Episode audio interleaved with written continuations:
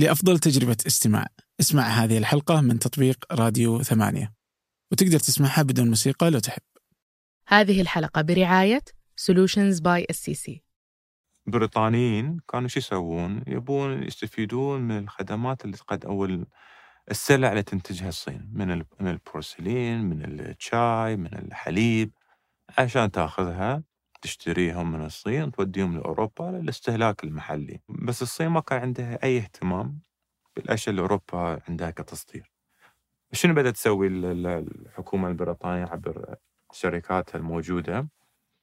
تروح تنتج الأفيون في الهند تاخذ هذا الأفيون تودي للصين تقول حق الصينيين أنا بعطيكم أفيون تعطوني الشاي أعطوني الحرير أعطوني اللي الافيون مادة مخدرة وفيها إدمان. وتخلي الناس كلهم كسالى وانت عطني إنتاجك.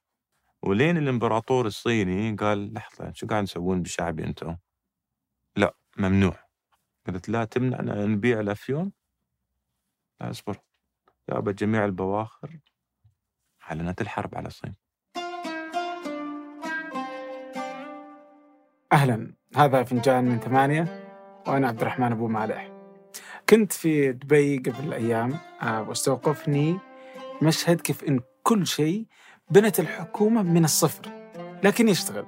هذا النموذج من فوق لتحت ويقولون بالنقيض تعرف الأشياء. فأشوف نموذج الاقتصاد الطبيعي هو اقتصاد نيويورك مثلا. ناس هاجرت استثمرت فربحت فعادت استثماراتها في البلد وتطورت وصارت نيويورك. هذا النموذج التقليدي. ويبدو لي أن هذا النموذج ليس بالضرورة هو النموذج الأوحد الناجح. فودي أفهمه. ولأن العالم مليء بالشغلات المختلفة المتناقضة والناجحة فكمان عندنا الاقتصاد الأمريكي والاقتصاد الصيني. اليوم كثير دراسات تقول أن الصين بتكون أكبر اقتصاد في العالم. جولدمان ساكس آه، تقول أنه في عام 2031 بتكون الأولى. دراسة ثانية تقول أنه في 2030 بتكون الأولى. فالكل متفق على الأولى. إلا ضيفي يقول تبطي عظم فودي أعرف ليه يتوقع أن تبقى أمريكا الأولى رغم كل الصراعات الداخلية الأمريكية والاستقطاب الحزبي الحاد ورغم الحجم آه، الضخم للدين العام في أمريكا. فضيفي بسام نور آه، الرئيس التنفيذي للاستثمارات البديلة في دراية آه، للاستثمار. قبل أن نبدأ كأس العالم حريقة. السعودية حريقة. وتابع معظم اللي تنتج القنوات من تحليل ونقاشات. والصراحة صحيح أني منحاز لكن لا أفضل من بودكاست مرتدة وحديث خالد القحطاني وعبيد الله العيسي آه، في هذا البودكاست. الحلقات موجودة على أي من برامج البودكاست أو على اليوتيوب. أما الآن لنبدأ. أنا جيت الرياض في 2000 ونهايه 2016 بعد الرؤية. بعد الرؤية بس يعني تدري في البناية في البدايات كيف كانت نظره الناس نظرة تشاؤمية وإلى آخره أنا قلت الرياض بيصير فيها شيء. أنا لازم أكون في وسط م- معمعة الرياض. خلينا نشوف آه، إيش يصير. وتوقعت إن لا ترى في الحين في تغير في الجيل الجديد من الآلة من العائلة الحاكمة يعني إن عندهم نظرة جديدة نظرة مختلفة وبدأ يعطوا وعود. المرأة تسوق السيارة السينما وإلى آخره. قلت والله يمكن يسويها يمكن لا أغلب الظن إيه بس بياخذ يمكن عشر سنين عشرين سنة. جيت والحين أشوف لحظة مشيت. داعس الريال داعس. السرعة اللي راحت وتغيرات مو بس الموضوع يعني هاي الأمور اللي إحنا نشوفها. صح؟ أنا وأنت وفلان وفلانة التغيرات البسيطة. بس اللي قاعد بعد في القطاع المالي حكم تخصصي. أشوف الأمور الإصلاحات الهيكلية اللي قاعد تصير. في الاقتصاد نفسه. من أبسط مثال قوانين نظام الإفلاس. إيه ما حتى نظام الشركات. نظام الشركة. هاي بسطاء الناس ما بسطاء عامة الناس الدكتور المحامي. والمعلم ما يهمه وما يعرف شنو تأثيره. إحنا لا this is something big.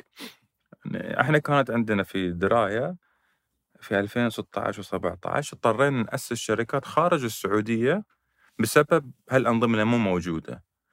كل هالشركات خارج صكيناها فتحناها يعني أوه.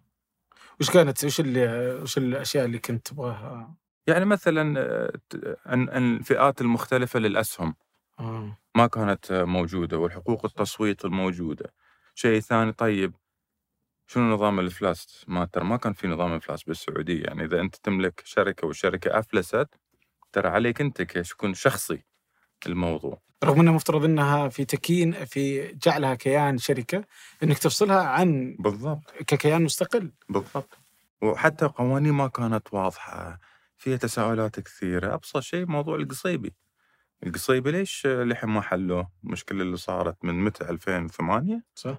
قبل يمكن بعد 2008 2009 ما حلوها لأن ما في آلية معينة ما بدأوا يحلونها إلا لأن طلع نظام الإفلاس قبل سنة وسنة ونص تتذكرون فترة أعلنوا حالة القصيبي انه وصلنا مع الداينين إلى حل و... وإحنا نعرف السوق قاعد تنحل هذه المشاكل.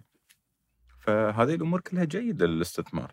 بس بتذكر وقت ال- يوم أعلنت الرؤية أغلب الناس يمكن حتى جلسوا سنتين قدام ما ي- يعني غير مؤمنين بأن هذه الوعود والرؤية قابلة للتحقق. بس وش خلاك انت وقتها تشوفها يعني آه، انت تقول انك في البدايات كنت تتوقع إنها بتصير أنا اعتقدت إن في تلك الفترة إن السعودية في مرحلة مفصلية في حياتها. إذا تتغير أو بتنهار. آه، لأن كانت تصير أمور كثير تحتاج إصلاحات ما كانت تتم.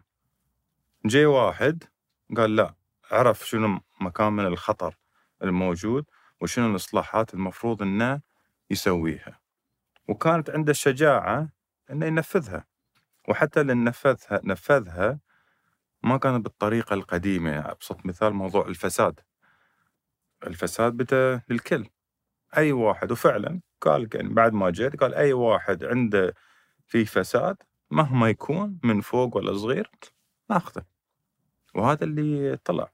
ف لأن إحنا كشعوب خليجية متعودين على بالسابق يعني قبل ما تطلع الأف... الأفعال حل الأقوال متعودين على الكلام. صح. وعود يعطونا ترى إحنا بنسوي كذي بنسوي كذي ولا شيء يعني كان يصير. يعني يمكن التجربه الناجحة الوحيدة في المنطقة إلى فترة كانت دبي.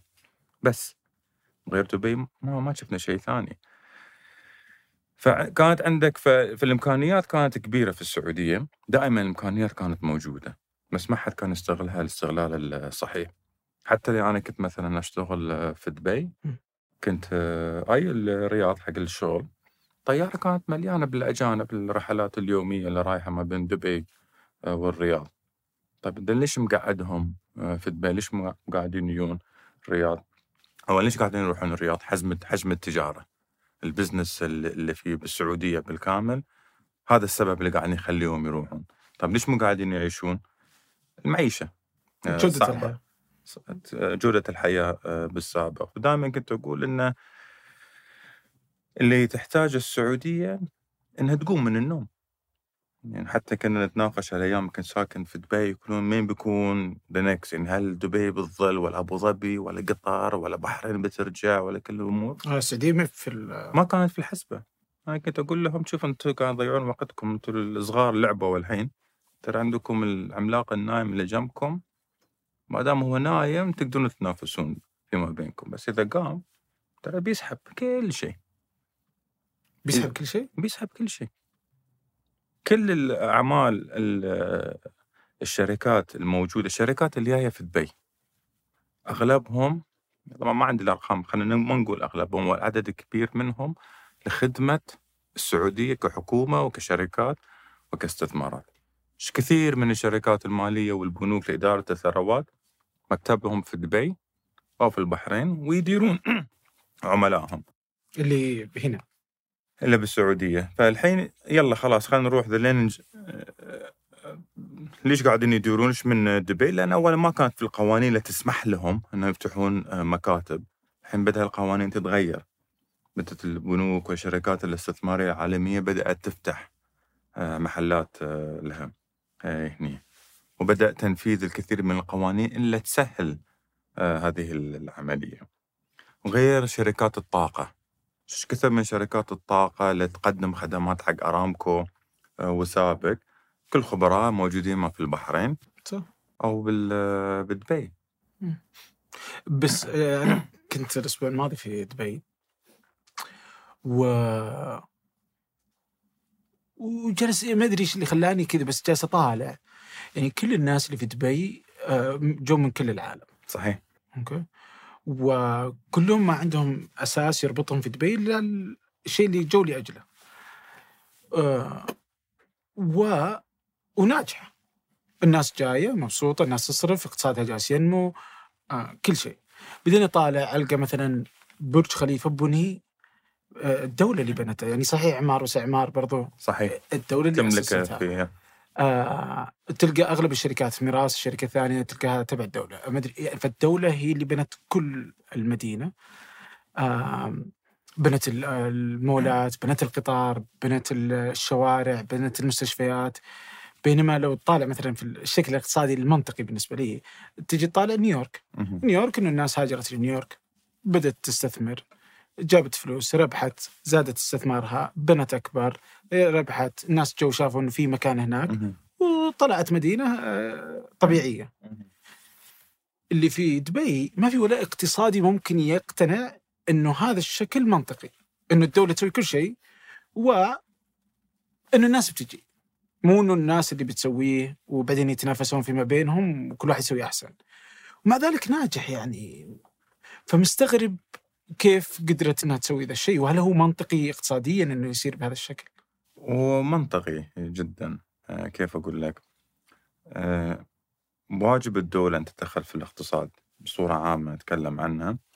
هي تكون مسؤولة عن القطاعات الحيوية غير ربحية. إذا شيء ما يطلع لك فلوس صعب تقول حق القطاع الخاص تعال تبرع بفلوسك. ممتاز. فلازم هي تسوي هالشيء. أو أنواع الاستثمارات اللي مردودها إما يكون على فترة طويلة 20 سنة 30 سنة القطاع الخاص ما يتحمله أو مردوده يكون غير مالي تسويقي. على برج خليفة مم. مردوده تسويقي. لأن بنوا البرج ما كان السبب علشان يسوون فلوس. علشان يطلعون يبرزون اسم دبي يطلعون اسم دبي. هذا له س... هم هم عارفين سووا هالشيء بعد يمكن 20 سنة 30 سنة بيكون في برج ثاني أطول منهم بياخذ من هالشيء فعندهم 20 30 سنة يستخدمون. فالحكومة هناك بدأت تسوي هالأمور التنموية الحيوية للقطاع الخاص اللي ما يقدر على أساس أنه بعد فترة تقدر تتخارج منه. على سبيل المثال الشوارع اللي بنتها. أكثر الشوارع اللي بنتها دبي خلال الفترة الأخيرة كان متى؟ 2010 2011 12 13 إلى 16 بنت عدد كبير من الشوارع والتقاطعات والقناة اللي حلتها. وحطت شنو عليه؟ نظام سالك. لا على كل لفة أربع ريال أربع أربع دراهم يسخونك عليه. الحين شنو قاعدين يسوون؟ هالنظام نظام سالك اللي عندهم بيسوون له اي بي أو بيحققون المردود ماله. بس شوف متى كان الاستثمار؟ 2010 مم. 2010 2011 آه، إلى الآن نتكلم على فترة 12 سنة لما يصير التخارج.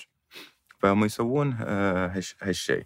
في أمريكا لا الحكومة تسوي ال Central Park هي كان من حكومه مدينة نيويورك. هي اللي سوت خذت قطعة الأرض نظمتها رتبتها قالت ان هاي بنسوي حديقة. بس والأراضي اللي حواليها تقدر تبيع وتشتري. فعلا الناس جاوا ولكن شنو؟ دفعوا ضرائب معدل الضرائب الموجود في نيويورك عالي جدا. بمقارنة في أمريكا نفسها من أعلى المستويات. هاي الفلوس عملوا السبوي في أمريكا؟ سبوي ما يطلع لهم فلوس. بس هذا يحتاج النقل العام آه، التعليم كل هالأمور. هذا من من يقطونه من الضرائب. إحنا ما عندنا ضرائب بنفس الكمية الموجودة ولكن عندنا الدخل من شنو؟ بترول. صحيح. فيعود هذا النقص. فروات الضرائب مو مرتفعة لأن الحكومة عندها مصدر دخل آه، آخر. لو هني مثلا نجي هني بالسعودية لو تشوف المشاريع الحكومية اللي قاعد تتخذها المشاريع الكبرى مستحيل القطاع الخاص يسويها. نيوم على سبيل المثال. تروح تجمع لك كل المستثمرين يقول لهم تعالوا بنبني ويا بعض مدينة في نيوم ما حد بيقول لك يقول لك وين مدينة صحراء نيوم هناك؟ لا. في بنية تحتية ولا شيء لا. هنا الحكومة لأن عندها القدرة وعندها الصبر وعندها نظرة ليس فقط نظرة مالية عندها نظرة تسويقية جودة الحياة وإلى آخره. أوكي أنا بسوي هالشيء. مشاريع البحر الأحمر نفس الشيء. مشاريع البحر الأحمر في قطاع الضيافة. إحنا ما عندنا تاريخ تشغيلي في في الضيافة. لو تروح في دبي القطاع الخاص يقول تعال بسوي هوتيل على البحر في جمير وإلى آخره. أوكي ترى عندنا عندهم 10 سنين 15 سنة يقدرون يعرفون عدد المسافرين الاجانب اللي قاعد يجيهم وجدوى الاقتصادية جدوى الاقتصاديه إحنا ما عندنا طيب في أسئلة كثيرة إلى الآن ما نعرف إجابتها كيف تقدر تجذب الأجانب إنه يجون عندك؟ شنو الخدمات اللي بتقدمها؟ هل جميع الخدمات بتكون متاحة ولا بعضها؟ هالاجوبه ما ما حد يعرفها آه، الحين.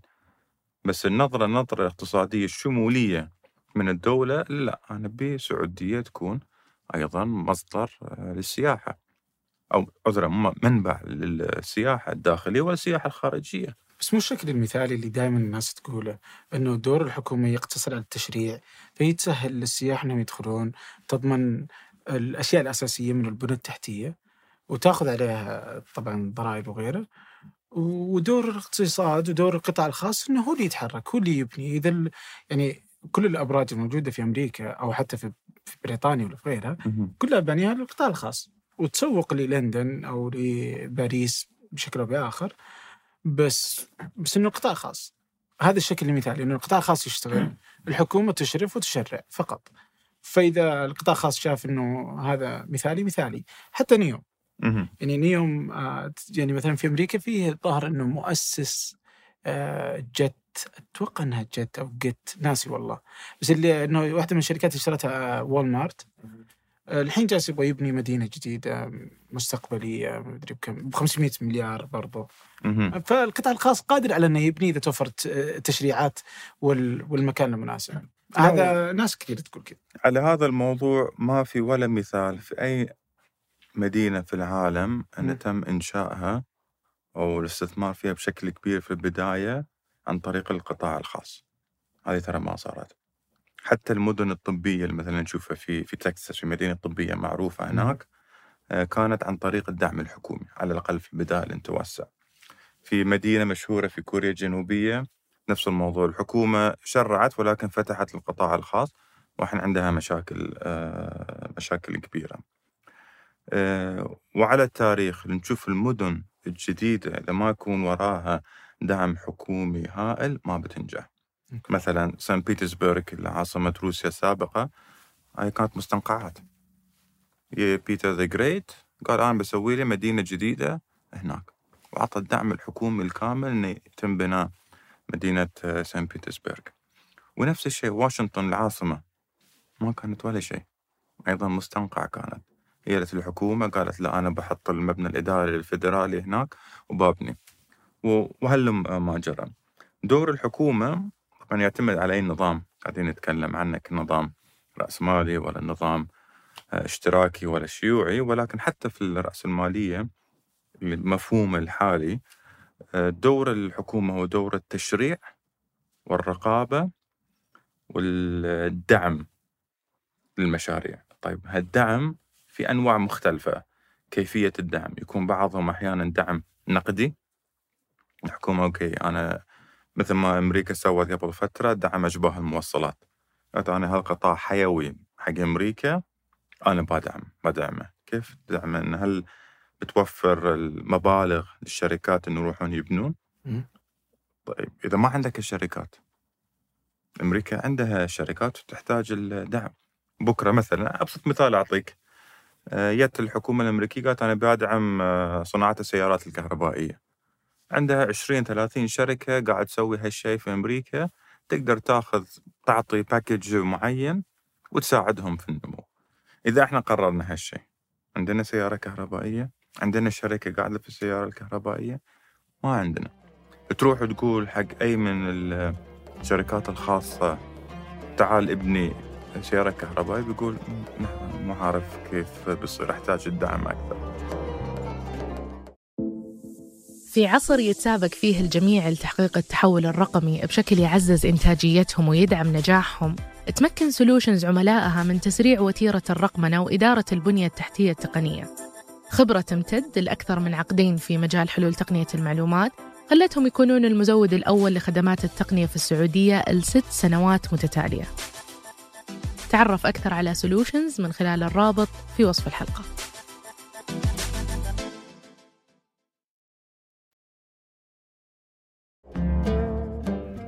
فلو حتى لو نروح نشوف الدعم اللي قاعد تقدمه الحكومة أنه طيب ما عندنا شيء إن أصلا نبني عليه. إذا في الدول الغربية عندك الأشياء تقدر تبني عليها. مثل إيش؟ يعني كحجم اقتصاد وكفكرة وكتجربة. لو أنت يقول لك أي شيء أي فكرة اللي عندك في أمريكا هل في جدوى منها ولا لا؟ بتحصل الأمثلة. من سياحة من طاقة من خدمات المالية من أي نوع اللي عندك بحكم حجمها وبحكم تاريخها. كل هالأمور موجودة. طيب إحنا بالسعودية هذا الأمر غير موجود. كثير من الأمور غير موجود. طيب سياحة دينية رغم تحفظي على كلمة سياحة دينية ليه؟ يعني مو بسياحة الناس مو قاعدة تروح مكة ومدينة من أجل السياحة. سياحة وترفيه عن النفس. يروحون هناك للعبادة. فيمكن وش المصطلح اللي والله ما أعرف. آه. نسأل آه، شيوخ الدين وهو أعلم بال أوكي. فتقول مثل هذه؟ فمثل يعني طيب عندنا إحنا الخبرة في هذا الشيء في هذا النوع من الأنواع. طيب بقية الأمور ما عندنا.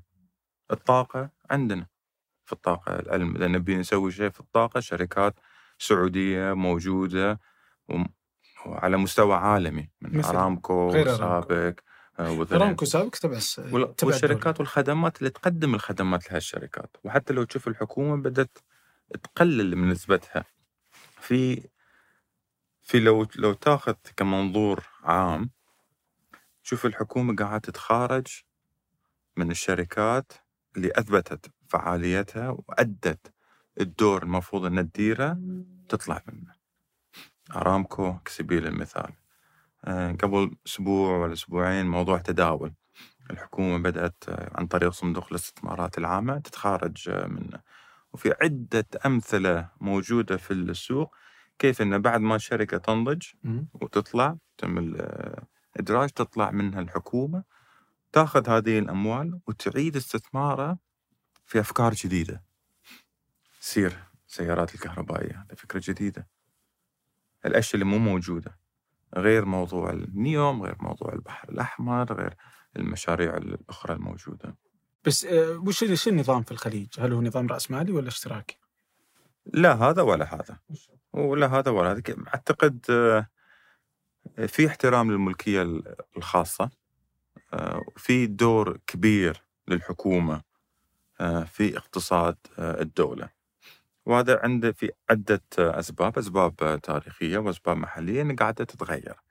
الأسباب التاريخية أن عدد سكان إحنا صغير مقارنة بالإيرادات اللي كانت تجينا تاريخيا آه، بالبترول.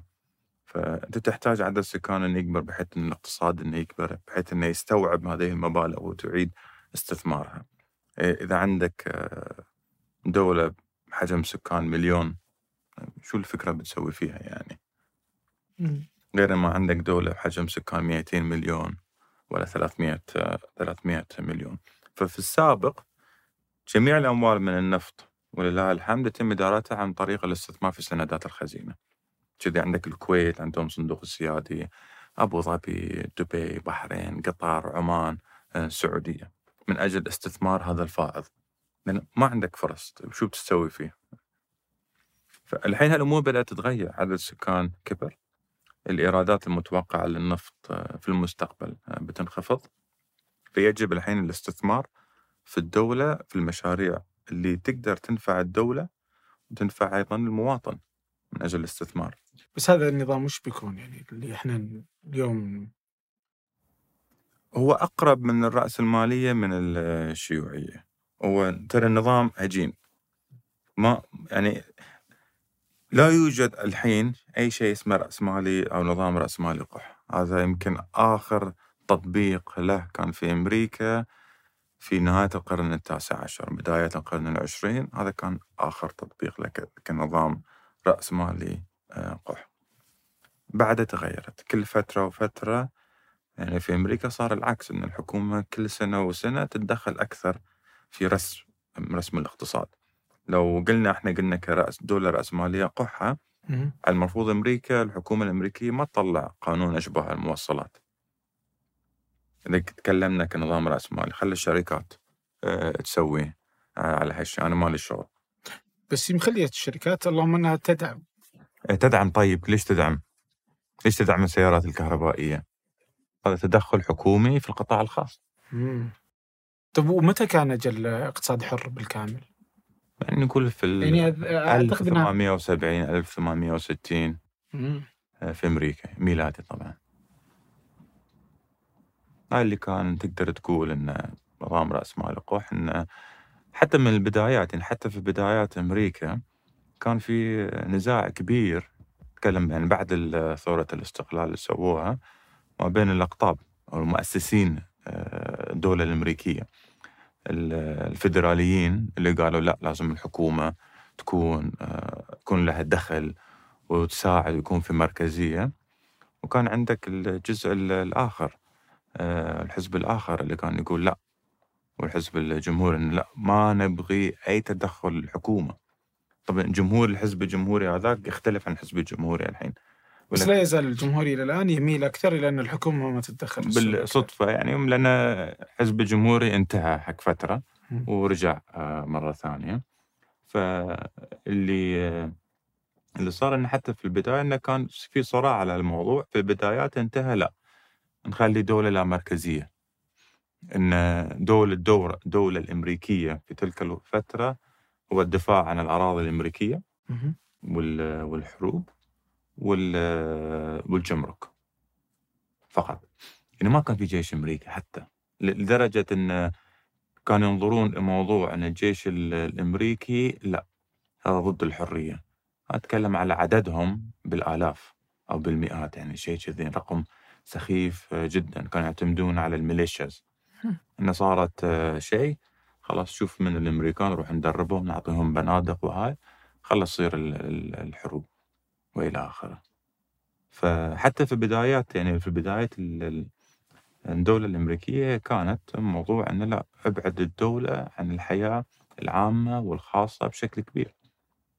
شوي شوي شوي شوي خصوصا مع المشاكل اللي كانت تصير تصيد الاقتصاد الأمريكي بحكم عدم وجود نظام مركزي للحماية. حماية الأموال استدعى تدخل الحكومة على عدة مرات. يعني البنك المركزي الأمريكي آه، طلعوه ثلاث مرات. كل مرة يطلع يستمر حق عشر سنوات لك رئيس حكومة يقول لك لا هذا تدخل من الحكومة في القطاع الخاص لازم نصكه. فيروحون يصكون. والنظام الفدرالي الاحتياطي الموجود حاليا ما تم إلا في 1913 1913 قبل الحرب العالمية الأولى بسنة واحدة. الفكر الاقتصادي كفكر ايديولوجي اقتصادي أساسها تطل- تروح حق آه، آه، اسكتلندي ما أدري إنجليزي آدم سميث. اي اي هذه ال... هاي وضع ال- اللبنة الأساسية للفكرة الاقتصادية للرأسمالية أن الحكومة ما تعرف شنو الشعب المستهلك اللي يبغي القطاع الخاص هو اللي يعرف بهالأمور لأنه هو حط فلوسه. في الموضوع. فهاي كانت البداية في القرن الثامن آه، عشر. واللي ساعد آه، على هذا الشيء هو طبعا انتشار عصر عصر الاكتشاف اللي صار في أوروبا. لما بدأت الأوروبيين كلهم يكتشفون آه، دول العالم اللي يروحون يجيب لك الذهب والفضة من أمريكا لأوروبا يبيعونه في آسيا. فشجع على هذا ال- هذا النظام. ميلتون فريدمان هو كان جزء من مدرسة شيكاغو انه كانت ردة فعل للأمور اللي الحكومة اللي سوتها أثناء الكساد العظيم. صار الكساد العظيم في بداياته الحكومة ما كانت تتدخل. يعني حتى لو في 1931 كان تصير انتخابات ما بين روزفلت واللي اللي قبله سألوا قبله قال له طيب شنو برنامجك الانتخابي عشان تطلع اقتصاد من المأساة الموجودة؟ قال ولا شيء. الاقتصاد بحل نفسه بنفسه. هني روزفلت قال لا لحظة مو بالطريقة الصحيحة بدأ شوي شوي يطلع قوانين جديدة جديدة من الضمان الاجتماعي من الدعم لقطاع الإسكان وإلى آخره فعمل أشياء كثير خلال تلك الفترة يعني بدأت تدخل الحكومي بشكل كبير في الاقتصاد وانت تشوف انه تدخل الحكومة مفيد دائما؟ ما في شيء دائما صح ودائما غلط فمتى يصير صح متى يصير خطأ؟ ومثل ما قلنا لو إحنا نحدد شنو هو دور ال- الدولة مثل ما قلت أنت قبل شوي التشريع هذا مهم الرقابة نتكلم كدور رقابي في الاقتصاد يعني وأيضا الاستثمارات اللي ما يتحملها القطاع الخاص الحين الجزء الثالث هذه يعتمد من دولة لدولة ال- القطاع الخاص يمكن يتحملها في أمريكا بس في السعودية ما يتحملها. يمكن السعودية تتحمل في أمريكا ما تحملها. يعني مثلا هنا يمكن تقدر يقول يعني الحين شركة أرامكو صدق الحكومة تملك النسبة الكبرى ولكن هي شركة خاصة الحين. فإذا عندك أنت مشروع في الطاقة تقول خلي أرامكو تس- تسوي. في أمريكا في أرامكو ما في فيها شركات متعددة الجنسيات يشتغلون في موضوع التنقيب عن النفط وتحط عندهم آه، شروط آه،. فإحنا- بس هل تعتقد لو ان السعودية مخلية إنه شركات تقدر تنقب عن النفط وتصدره وتكرره و... وأنا كحكومة أخذ عليه ضريبة بيكون أكثر جدوى من وجود شركة تملك الدولة؟ آه لا آه يعني ما لا مو مجال للمقارنه ما بين ما بيننا إحنا وبينهم هم آه لأن هم عندهم تاريخ مختلف عن تاريخنا ولكن حتى في القطاعات الحيوية. نتكلم عن القطاعات تقصد لازم-؟ بقول لك الحين في القطاعات الحيوية لازم الدولة يكون فيها يد بشكل من الأشكال القطاعات الحيوية يكون تنقسم إلى قسمين إما حيوي بالنسبة لأمن الدولة أو يكون آه، حيوي بالنسبة للاقتصاد. آه، النفط يعتبر بالنسبة لنا هذا آه، من الأمن القومي بالنسبة لنا إحنا. ما تبي تعطي هذا الموضوع النفط الذهب اللي عندنا لشركات أجنبية تتحكم فيه؟ ممكن شركات محلية. كيف تتحكم بالشركات المحلية؟ هذا أقول لك فهذا جزء. الجزء الثاني اللي نتكلم عنه من الجزء الح- الحيوي في قطاعات معينة ليس من الجيد أن يكون في عدة شركات تشتغل آه، فيه. بسبب آه، آه، حجم الاستثمارات بسبب عدم توزيع المصاريف وزيادة المصاريف. أعطيك سبيل المثال. ليش في السعودية عندنا ثلاث شركات اتصالات؟ ليش ما عندنا أربعة خمسة ستة سبعة عشرة؟ يعني يعني إحنا عندنا ثلاثة الأساسية وفي آه، ظهر ثلاثة أو أربعة آه، افتراضية اللي هي فيرجن وليبرا وغيرها. صحيح. ليش مو موجود 20 شركة في الموضوع؟ ما أدري. يمكن الجدوى الاقتصاديه في الشركات ما تبغى تدخل. لأنك أنت ما تبي تسوي يكون عندك 20 آه، 20 من الألياف البصرية اللي تربط المدن.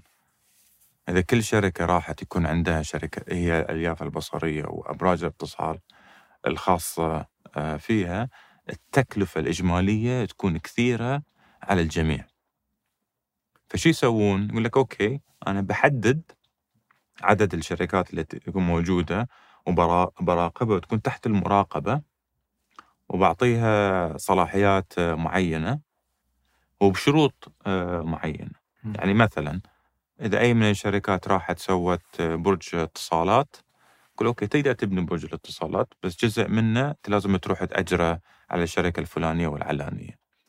بس بأسعار السوق. ليش؟ عشان ذلاك ما يروحون يبنون أيضا برج أبراج ثاني. اتصالات أخرى. تخيل يكون عندك 20 برج اتصال على شارع واحد لأن عندك مختلف الشركات. صحيح. هو مطبق في السعودية على على الألياف البصرية. ف فأي شركة يعني أتوقع إنه نفذ القانون في السنة الماضية واللي قبلها قريب يعني. فصار يمديك يعني بغض النظر عن الشركة المزودة لل... اللي بنت الألياف ممكن تاخذ من أي شركة ثانية يعني. صحيح. ويعطيك ما يقول لك لا. فهنا دور مشرع بس مفترض ان دور ال- يعني مفترض ان دور الشركات أو السوق إنه يحكم. يعني إذا الشركات إذا السوق هذا مجدي فستبقى الشركات إذا السوق غير مجدي تطلع الشركات صحيح. والحكومة ما تقول لك آه، لا ما تقدر. لازم تحصل لك تعطيك رخصة. صحيح. طيب عشان تحصل الرخصه في متطلبات. عندهم. متطلبات آه، كثيرة. فإذا أنت استوفيت جميع المتطلبات تقدر. ما حد يقول لك لا. ولكن إذا أنت ما تقدر تستوفي ما عندك راس المال الكافي وما عندك القدرة على الالتزام بكل هالشروط شنو بيصير؟ يقول لك لا ما تقدر. هذا نوع من نظام التشريع. البنوك مثال آخر. كم عندنا بنك في السعودية؟ 11 بنك 12 بنك ليش ما عندنا 100 بنك؟ نفس الشيء البنك المركزي يحط لك شروط معينة. يقول لك تبي أسوي لك بنك هذه شروطي. لازم تلتزم فيه من حجم كفاءة رأس المال العمل شنو الخطة من اللي بتجيب وإلى آخره. ليش؟ لأن لو بسبب الترابط البنوك فيما بينها وبينها. لو انهار أي بنك لأي سبب من الأسباب هذا بيسبب لك حالة ذعر وهلع كبيرة تخلي النظام البنكي بالكامل إنه ينهار. مثل ما صار في أمريكا في 2007 ل 2009 أصيبت بعض البنوك بالمشاكل. حتى لأن هالمشاكل موجودة في البنوك السيئة خلينا نسميها.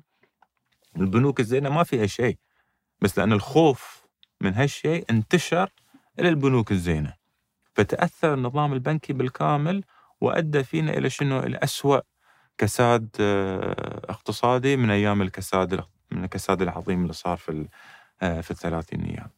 فالقطاعات الحيوية يكون عليها رقابة أكثر إشراف أكثر وشروط أكثر وتدخل حكومي أكثر إذا أنت تبي تسوي لك كوفي شوب ولا مطعم شروط قليلة ما بسيطة وواضحة بس أنك معايير الصحة والسلامة إلى آخره أي أحد يقدر يلتزم فيه ليش؟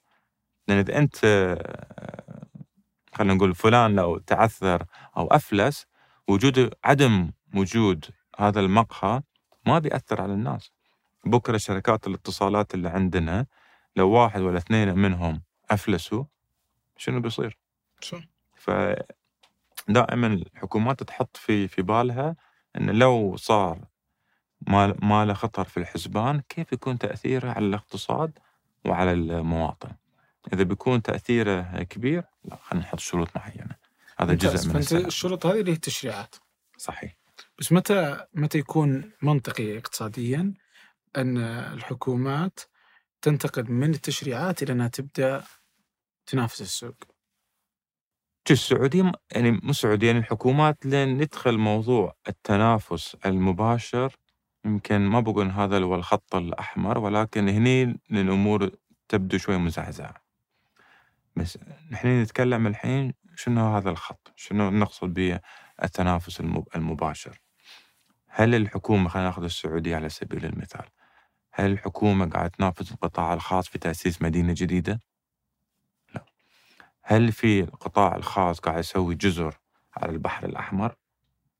لا المشاريع الكبرى من القدية وإلى آخره هل هي قاعدة تنافس القطاع الخاص؟ هل أصلا القطاع الخاص إنه عنده القدرة المالية؟ لا لو بكرة مثلا لو دخلت ال- ال- الحكومة وقالت خلاص أنا باخذ وكالة تويوتا ولا جي إم بسوي أحسن من بقية الشركات بقول لك هاي لحظة هذا في منافسة مباشرة مع القطاع الخاص. ليش قاعد تسوي؟ حتى في السيارات خذت في شنو؟ السيارات الكهربائية. مم. الغير موجود آه، عندنا. طبعا تقدر تستورد تسلا وإلى آخره موجود بعضهم بالسعودية. ولكن ليس بالدرجة المطلوب. والسيارات الكهربائية كانت موجودة من متى؟ في أمريكا. 10 سنين 15 سنة. طيب ما حد سوى في في القطاع الخاص. عطنا أي نوع من الشركات اللي تقوم بها إما الحكومة أو الهيئات الحكومية أو حتى آه، صندوق الاستثمارات العامة ولا واحدة منهم تنافس منافسة مباشرة أي نوع من القطاع الخاص. يمكن آه، شركة يعني اللي يجي في بالي زي شركة القهوة السعودية إي هذا هذا لغرض خاص ولغرض معين.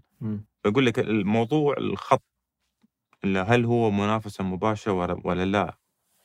خط غير دقيق. ممتاز يمكن يصير ويمكن آه، ما يصير بس لو إحنا ناخذ بإجمالي المبالغ الموجودة وإجمالي الجهد المطلوب نقدر نقول بأريحية أن الغالبية الغالبية العظمى من هذه المشاريع الحكومية والهيئات الحكومية لا تنافس القطاع الخاص منافسة مباشرة. طبعا أكيد بتجيب سيارات كهربائية معناته أنا ما بشتري تويوتا ممكن أشتري هذه بس هذه منافسة غير آه، مباشرة وإذا الحكومة قالت لنا شيء ترى هي قاعدة علشان ما تنجح الفكرة وبعدين بتطلع مثل تداول يعني أنا يسألك سؤال ثاني ليش إحنا عندنا بس منصة واحدة للتداول؟ ما أدري بس هل في تشريعات تسمح للقطاع الخاص بأنه ينشئ بورصة؟ والله صراحة مو متأكد بس لو يعني أحيانا تكون تشريعات ما تسمح للقطاع الخاص أصلا أنه يدخل لأسباب معينة.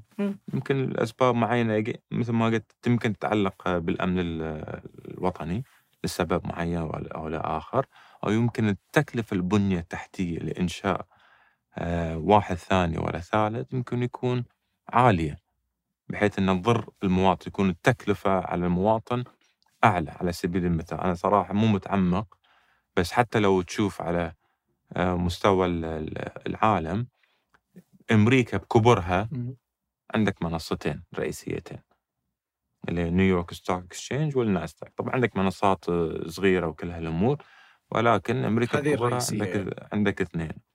يعني بريطانيا عندك آه، واحدة. أوروبا بالكامل عندها واحدة. طبعا عندهم منصات أصغر وأصغر بس أنت قاعد في اقتصاد حجمه إن شاء الله بيكون تريليون بنهاية السنة هل يلزمك يكون عندك اثنين ولا ثلاث ولا أربع منصات؟ هل هذا مناسب للاقتصاد ولا لا؟ هم عندهم المعلومات هم اللي يقدرون يقررون متى الوقت المناسب يمكن هذا الشيء موجود عندهم قاعد يدرسون إنه إذا وصل يعني حجم التداولات الموجودة اللي عندنا عدد كبير وعدد الشركات الموجودة عندنا تمثل الاقتصاد ويحتاج إنه يكون في عمق يمكن نسوي بورصة ثانية. طيب آه ودي يعني ودي أدخل على يعني الحين على الاقتصادات العالمية بس قبلها ودي الاقتصادات القوية في المنطقة آه يعني اليوم واضح في منافسة شرسة وقوية ومحتدمة بين الرياض ودبي كيف تقرأ مستقبلها؟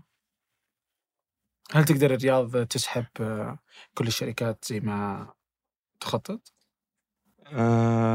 يمكن أنا أختلف آه، بهذه النقطة لسبب أساسي أي نقطة استخدم؟ على هالموضوع أن هل في تنافس ما بين الدول آه، في المنطقة الواحدة خلينا نضع الأولويات ترى نقطة آه، مهمة آه، الواقع شو يقول؟ الواقع يقول أن اقتصاد المملكة هو أكبر اقتصاد خلينا نقول في الخليج وفي الشرق الأوسط.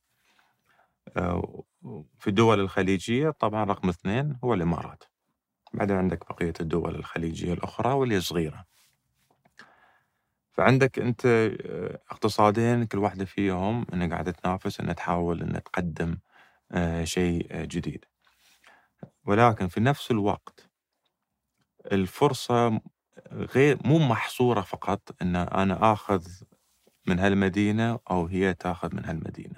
إحنا مو قاعدين نتكلم عن وجود نقطتين ولا مجموعة صغيرة من خلينا نقول من المجوهرات ولا الكنز إن عندك مدينتين إنهم يروحون. لا الفرص الموجودة هي فرص عالمية.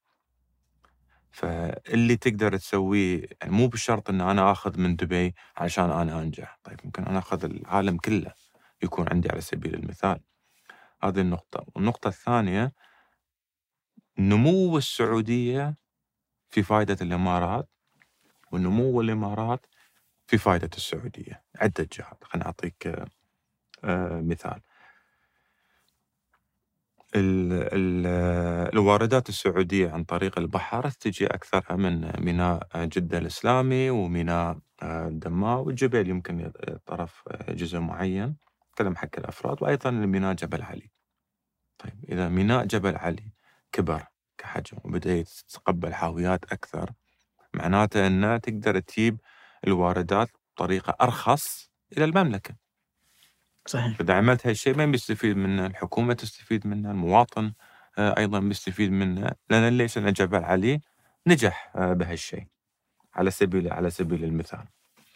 وال... والعكس نقول انه لين إحنا شفنا خلال أبسط مثال الفترة اللي راحت لين بدأت الحكومة تتغير بدأت المشاريع آه، تطلع كل هالمشاريع تحتاج إلى شنو خبرات موجودة مو بشرط إن جميع الخبرات بيقولون إحنا بنروح بننتقل للرياض. بعضهم يقولون لا إحنا بنكون في دبي على سبيل المثال أو في البحرين على سبيل على سبيل المثال. فالمشاريع قاعد ترتفع بالسعودية. آه، الطلب كعقار أو كأفراد أو كناس اللي تعيش آه، في دبي أيضا بيرتفع.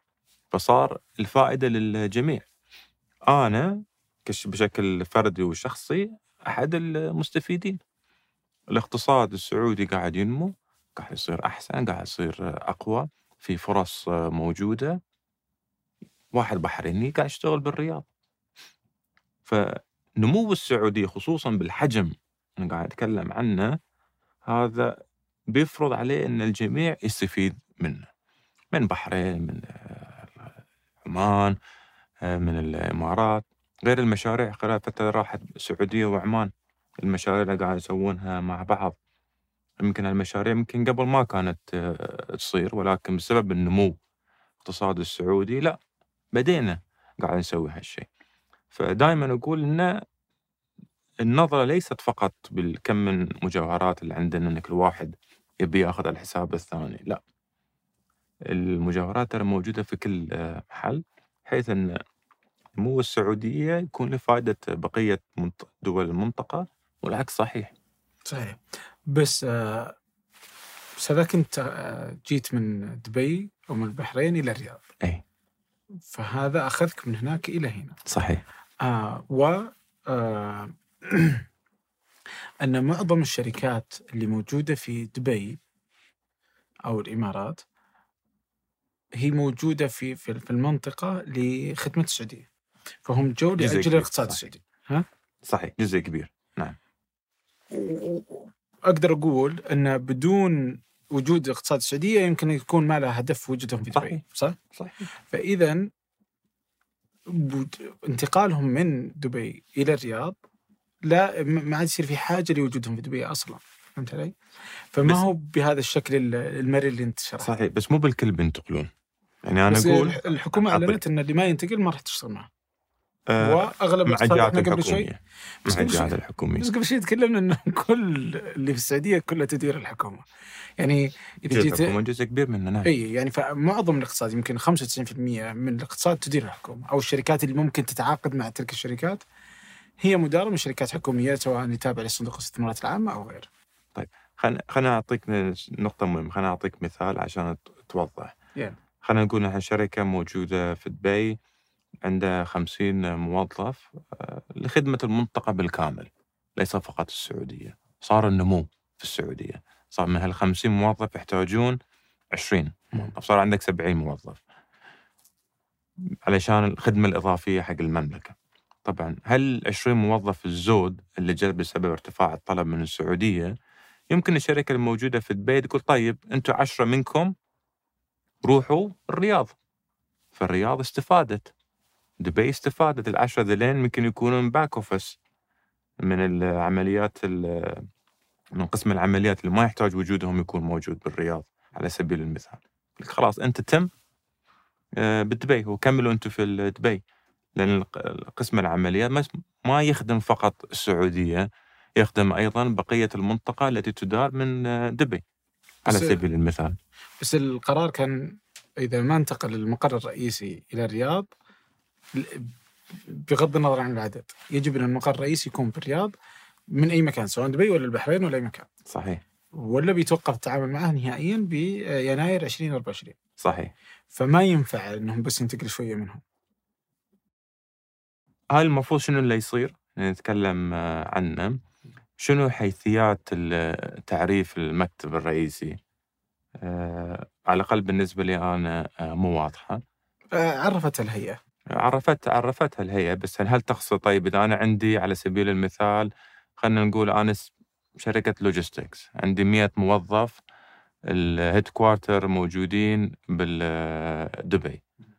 10% من الخدمة اللي أقدمها هي السعودية. طيب أنا أحول أحولهم كلهم للرياض؟ متى أحولهم؟ مباشرة؟ هل الموضوع هو فقط ال headquarters كاسم ولا كعدد الموظفين؟ هل إذا أنا مثلا حولتهم كلهم بالرياض وفتحت عشر موظفين آه، في دبي يصير ولا ما يصير أو أحول عشرة منهم الرؤساء في الرياض أسميه هاي الهيد كوارتر ويكون عندي 100 موظف آه، في دبي هل هذا تحقق ولا ما تحقق؟ أتوقع إذا الرؤساء تحق... آه، انتقلوا به يتحقق وهو وهو التحدي الأكبر ترى هو يعني. هو نشوف المنظور على منظور طويل على ال- على الأمد الطويل. اخرتها الشركات اللي بتشوف إن أغلب عملياتها هي المملكة وصارت في جودة الحياة الموجودة وفي المكاتن واحد يقدر يستأجر. الشركة بروح تقول طيب أنا كل شغلي أنا بالسعودية. ليش أروح؟ نص موظفين يروحون هني وهناك خلاص بصك آه، دبي. ولكن أيضا صك دبي بتقوم محلها الاقتصاد بيكون قاعد ينمو. قدم خدمات جديدة الاقتصاد بحيث أن بقية دول المنطقة أيضا تستفيد آه، منه. فأقول لك ف... فهو ممكن ينقل إلى الرياض ويخدم بقية الدول صح. اللي كان يخدمها لأن المسافة ما تعتبر عائق الآن. صحيح ف... و- فوش الشكل اللي بتصير عليه وقتها؟ والله لأن هالأمور قاعدة تتغير بشكل يومي. صعب التنبؤ بشنو اللي يكون المفروض. بس من الناحيه العملية من الناحيه العقلية والمنطقية آه، الرياض ما تحتاج إنها تكون مثل دبي حالا من ناحية جودة الحياة هم. الأشياء الموجودة في دبي يقول لازم يكون بالضبط موجودة بالرياض علشان الناس تنتقل هذا ليس شرط ليه؟ لأن آخرتها أنت مو قاعد تقارن نفس الشيء بالشيء الناس في ناس قاعدة تشتغل في أماكن أخرى في العالم حياتها مو مثل دبي وراضيه آه، أبو ظبي آه، مو مثل دبي بحرين مو مثل دبي لأن كل الناس قاعدين يشتغلون. عادي حياتهم ما ما عندهم أي مشكلة بحياتهم. إي لا يعني ترى نتكلم عن جودة حياه مو بالضرورة ال- يعني ناخذها على الأندية الليلية ولا يعني آه، مدرسة جيدة. آه، بالضبط ف... هذا بالضبط. جودة حياة. آه، عقارات رائعة يعني أحيانا أفكر في الرياض بتخيل إني أنا ملياردير خيال طبعا. وجيت انتقلت قريباً إن شاء الله. آه، جيت الرياض وين أسكن؟ مهم. أبغى أفخم شيء في الحياة ما يعني خيارات ما تذكر بينما لو تروح دبي تلقى خيارات لا تنتهي صحيح صح؟ صحيح بس هذه جودة بس. الأغلب الناس كلهم مليارديرين لا مثلك لا آه، أبغاك تاخذ اللي تبغى. يعني لو تبغى مثلا مكتب الرياض المكاتب فيها عددها قليل الفنادق كم عدد الغرف الفندقية في بقول لك؟ أنا القصد انه يعني حالا لا يحتاج. حياة. بس هذه جودة حياة. بس أنت تحتاج في الرياض الفنادق. تحتاج ما أقول لك لا. إيه. هذه النقطة. تحتاج مدارس بس لا تحتاج الحين. تحتاج ال- الكمية اللي تبي تطلبها اولا عمليا غير منطقي إنك تروح تبني كل هالأمور بالليل أو ضحاها. صح تقدر تبنيها على الفترة والحكومة قاعدة تبني. آه، وشجع القطاع الخاص على موضوع البناء. والقطاع الخاص قاعد تشوف هالأمور إنه قاعدة تتغير فقاعد يدخل على الاستحياء مثل ما يقولون. آه، وش اللي يخليه على استحياء؟ ودي أفهم معضلة الخليج في القطاع الخاص، ليش القطاع الخاص عندنا في الخليج؟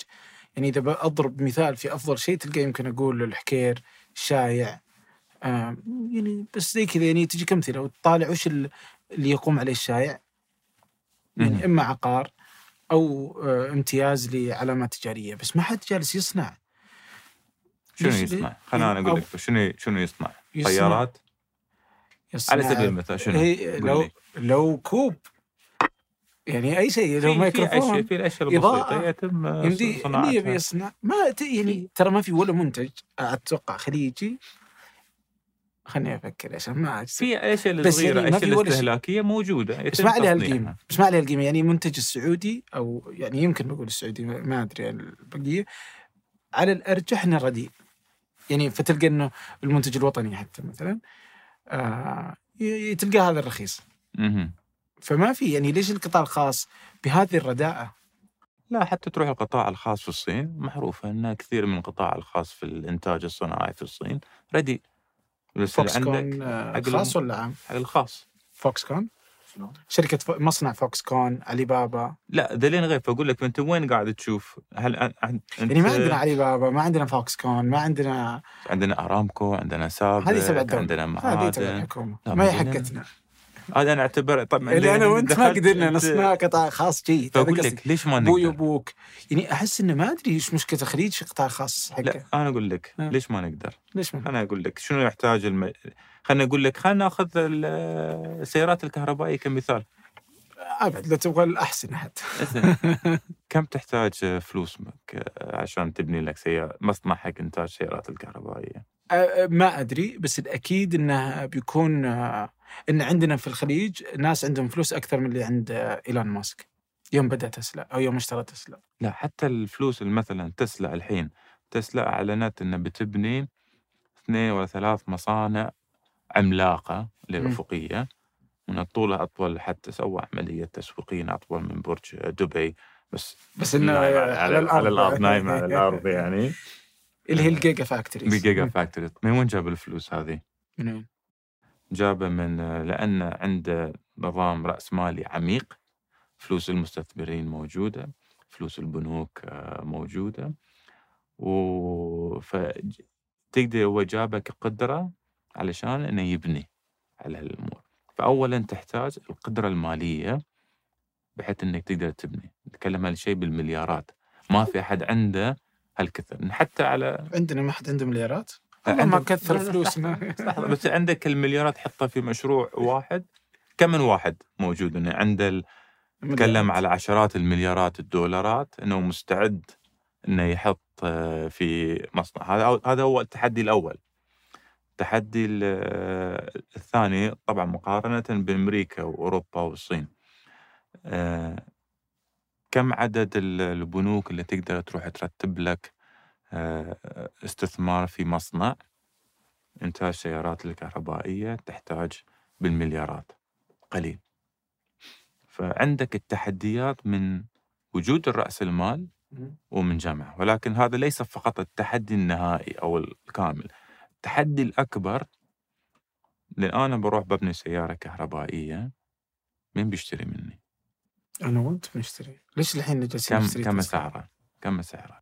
بس آه، طبعا أنت بس نعم. في اللي قبل شوي الأرقام اللي تطرحها يعني ما كانت موجودة عام 2007 8 يوم بدأ تسلا يعني إحنا نتكلم بعد مرور أكثر من 15 سنة على وجود صحيح. الشركة. ففي البدايات ترى كانت يعني أرقام صحيح. بسيطة. يعني ما هي بالمليارات اللي اليوم نحتاجها. صحيح. بس ما حد جالس يسوي حتى في تسلا تدري إن الحكومة تعطيهم فلوس على موضوع الانبعاث الكربوني؟ صحيح.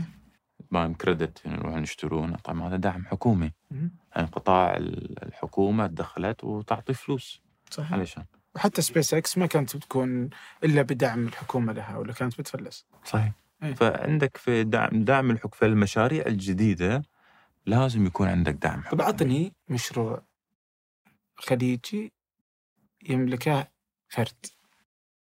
تقول هذا يا أخي هذا رائع. غير راجحي يلا ابى اخلي الراجحي انه ممتاز. إحنا ما نقدر في الراجحي بس يعني. والنعم فيهم والنعم فيهم. لا، اللي هو البنك أنا ما يدخل في شيء ثاني والنعم في البنك كل البنوك الموجودة بالمملكة. بس اعطني شيء جد والله لو لو حتى أشمغة عادي اللي تبي يعني ساعات ملابس أي شيء يعني. ترى نفس المنطقة أنا أقدر أقول لك عطني شيء يملكه شخص واحد آه، ممكن كبزنس جديد الحين تروح تقول لي تويتر ما تويتر هالأشياء. تكلم كمصانع. شو المصانع اللي أحد شخص واحد يملكها؟ إيه، قطاع خاص ترى أنا لما أقول القطاع الخاص. في إيش؟ في عطني أنا أعطيك اللي تبي. بس آه، سيارات. سيارات؟ شخص واحد. مو بلازم شخص واحد بس أنا تبع قطاع خاص. يعني أي شيء أحس أنت قلت. لي شخص واحد فرد لا أنا. كان قصدي إني أبغاها للقطاع الخاص. ما أقصد بالضرورة شخص واحد يعني ما أبغى الحكومة تملكه. خليجيا إيه، كل الشركات المدرجة في السوق. مش يعني بس لا يعني أعطني مثال تقول مثال آه، يعني قادر على التصدير لل- للبرا وزي كذا. زي أكوا باور. أكوا باور مثال ممتاز. إيه. أنا جبت لك المثال. فعندك فعندك أمثلة. بس لا نقارن يعني يمكن دائما يعني بدي أعرف علة القطاع الخاص. هذا قصدي. يعني خلينا ناخذ على سبيل مو مو موضوع إلا خلينا يعني موضوع أكبر من هالشيء.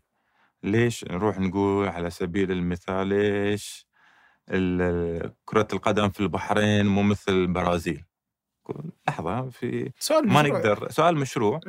إجابته طويلة فإحنا نتكلم الطويلة على- نعطي- في الإجابة في الاقتصاد نروح قاعدين آه، نتكلم في عدة أمور لازم تكون متوافر فيها بحيث أنه يكون مجدي للقطاع الخاص آه، أولا العمق المالي العمق المالي اللي أقصد فيه تواجد رأس المال وأيضا آه، تواجد تطبيق الفكرة. ترى هذا يمكن شيء آه، مهم جدا. السوق كم السوق اللي تقدر آه، تحصل عليه؟ خليني أعطيك سبيل المثال يمكن هاي النقطة لأنها مهمة جدا. خلينا أنا وأنت فكرنا هذا شنو ننتج خلينا آه، الشاحن لاسلكي على سبيل المثال. أنا وانت جينا سوينا فكرة شاحن لاسلكي تقدر تشحن في أي شيء إن شاء الله الكاميرات وهاي موجود باللاسلك تشحنه وخلاص ننسى موضوع البطارية. ممتاز. جينا جبنا كلمنا فلان وعلان جابوا لنا معنا استثمارات وكل هالأمور جابوا معنا الفلوس. أول شيء لازم نروح نشوف شنو اللوائح الموجودة اللي اولا هل تقدر تسهل العملية ولا لا. هذا هو التحدي الأول.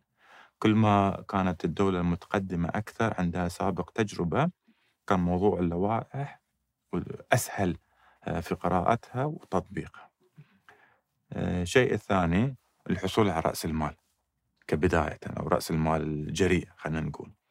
هذا رأس المال الجريء في الأسواق المتقدمة عندها تاريخ وعندها آليات معينة ولفترة آه، طويلة فتقدر تروح آه، تاخذ منهم الأموال إدارة هذه الأموال. اللوائح اللي إحنا عندنا يمكن إلى الآن في الخليج لو ناخذ آه، موضوع اللي يسمونه convertible loans ولا preference shares و series A و B وكل هالأمور ما عندنا معرف بنفس طريقة تعريف آه، بقية الدول بحيث إن ال founder أو صاحب الفكرة يحتفظ بقدرته على التنفيذ وعلى الأموال الفرصة اللي موجودة. خلينا نقول إحنا كل هالأمور قضينا مو قضينا عليه تخطيناه.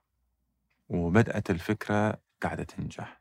أو مو قاعدة تنجح يعني أثبتت عمليتها ولكن إحنا خسرانين. قاعدين قاعدين نخسر قاعدين نخسر. الطريقة الوحيدة إن نحول هالخسارة إلى الربح إن لازم نزيد المبيعات إلى درجة معينة بحيث تغطي على جميع التكاليف. طيب لازم أنا أزيد المبيعات. المبيعات لو أنا الفكرة طبقتها على سبيل المثال خلينا نقول في البحرين. أنا طبقتها نجحت بس العدد الموجود غير كافي. لازم أن أنا أروح أكبر هذا العدد كمبيعات. وين بروح طبيعة الحال؟ دول المجاورة الإمارات ولا السعودية. هنا عندنا المشكلة. لأن أنا أروح من البحرين للسعودية الأنظمة تختلف اختلاف كبير. ما أقول اختلاف جذري ولكن في اختلاف كبير. صح منظومة دول مجلس التعاون خففت من هالتحديات ولكن لا تزال آه، موجودة. لازم أنا أنشط شركة أخرى بالمقابل حتى عن طريق الشركة البحرينية أقدر ولكن معقد ليس الأمر بالسهولة في اشتراطات معينة بالسعودية قد لا تكون موجودة في البحرين. والعكس آه، والعكس آه، صحيح. فيلزمني شنو؟ تأخير في الإنتاج تأخير آه، في في في الفكرة كلفة إضافية. وكلفة آه، إضافية تعقيدات أكثر. حتى إذا أنا رحت من دولة بحجم مليون شخص إلى دولة 30 مليون شخص ترى okay كحجم كبير ولكن على مستوى العالم 30 مليون ولا شيء. قارن هاي لو أنا سويت نفس الفكرة في سيليكون فالي في أمريكا سان فرانسيسكو ولا في أي محل في أمريكا في نيويورك. نجحت الفكرة في نيويورك. كل 400 بساطة. مليون على طول. 400 مليون. في الاتحاد الأوروبي نفس الشيء. مم. نجحت بفكرة في ألمانيا. شنو يمنعني أن أسوي أنا فيها؟ في فرنسا. نفس الم... بالعكس أخذ نفس الموظفين الموجودين أجيبهم هنا الصين أيضا نفس الفكرة.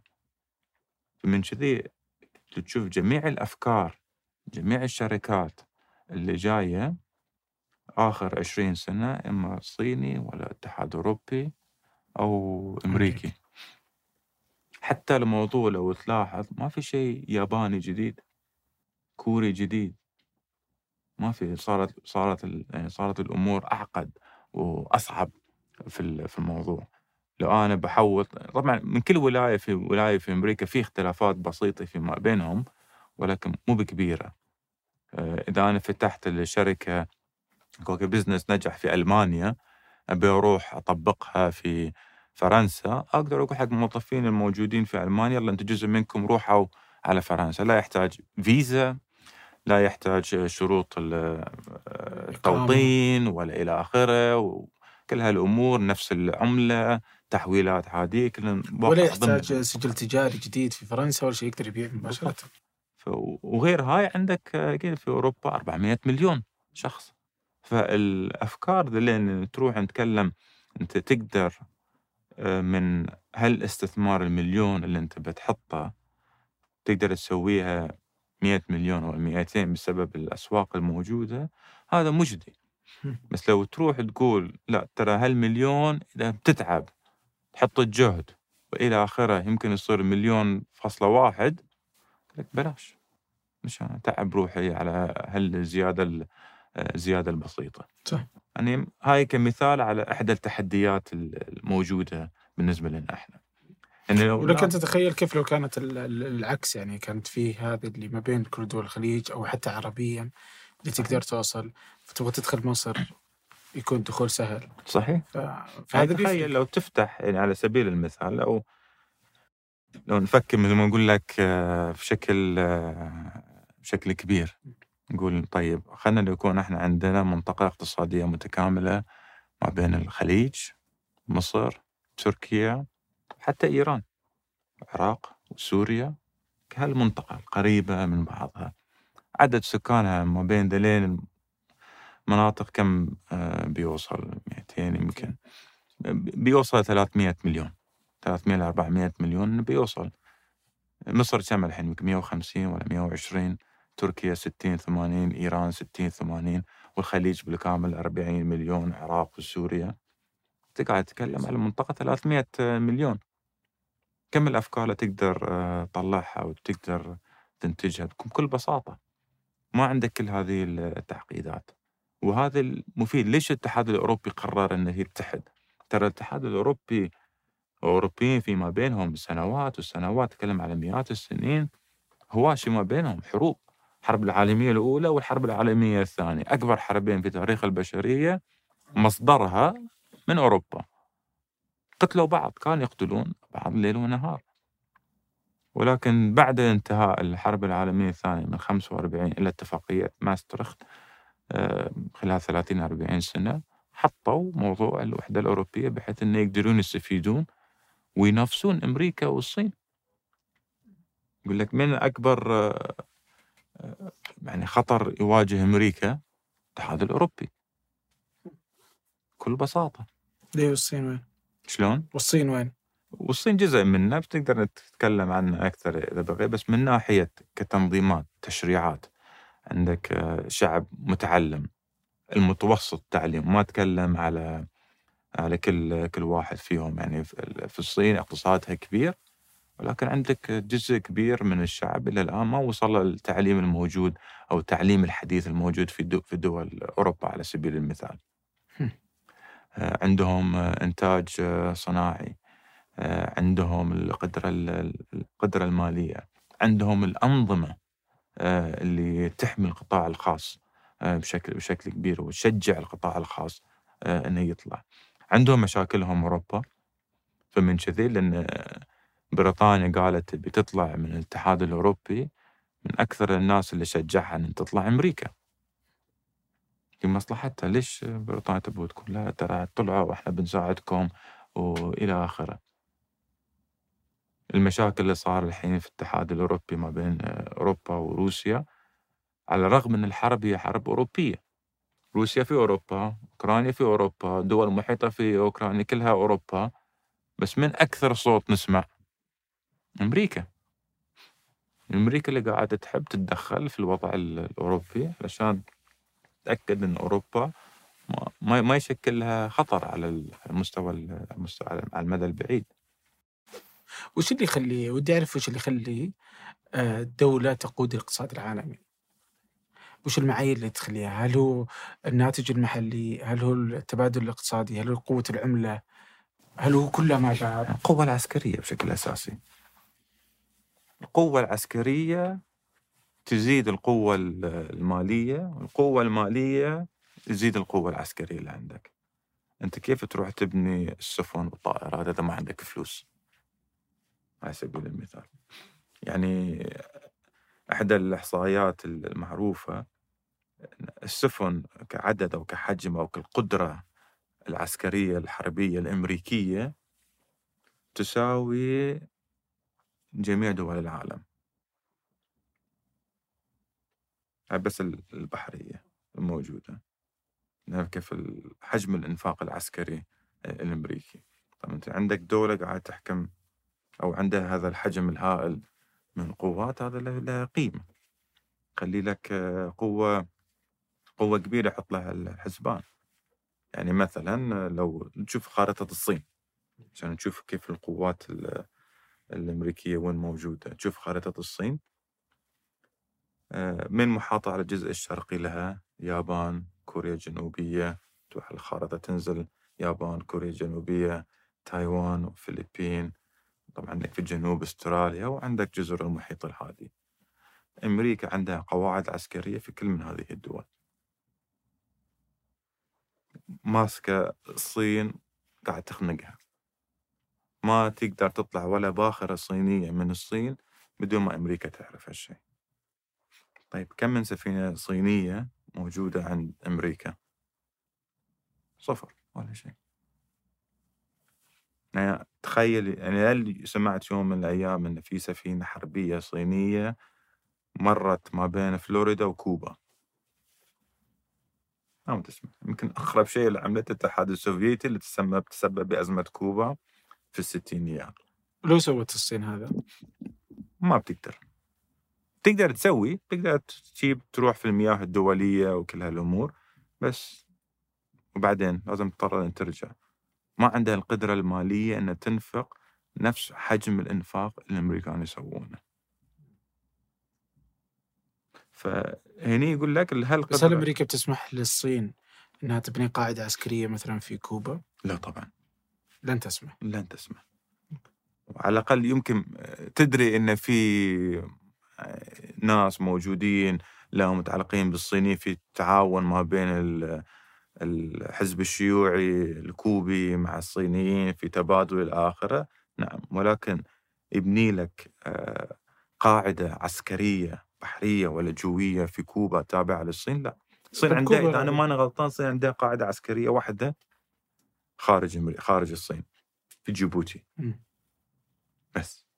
هذا المنطقة الوحيدة اللي عندها. بس لو كوبا سامحة؟ راضية بأنه تبغى الصين تجي. أمريكا تحط عليها حصار. مثل ما سوت في أزمة الهاي السوفييت كانوا داخلين أسلحتهم يا أسلحتهم يا جابوا أسلحتهم بالسر. إلى كوبا لين ما أمريكا اكتشفت طق عملت حصار بحري على على كوبا وش الدافع؟ ليش يصير منطقي؟ بالنسبة لهم أن هذا تهديد آه، لأمن وسلامة آه، أمريكا. عندك أسلحة نووية أو موجودة تبعد عن أقرب ساحل أمريكي بساعة في قبل لا تنسى اللي يفصل الأمريكان عن باقي العالم محيطين عندك المحيط الأطلسي والمحيط ال- آه، الهادي.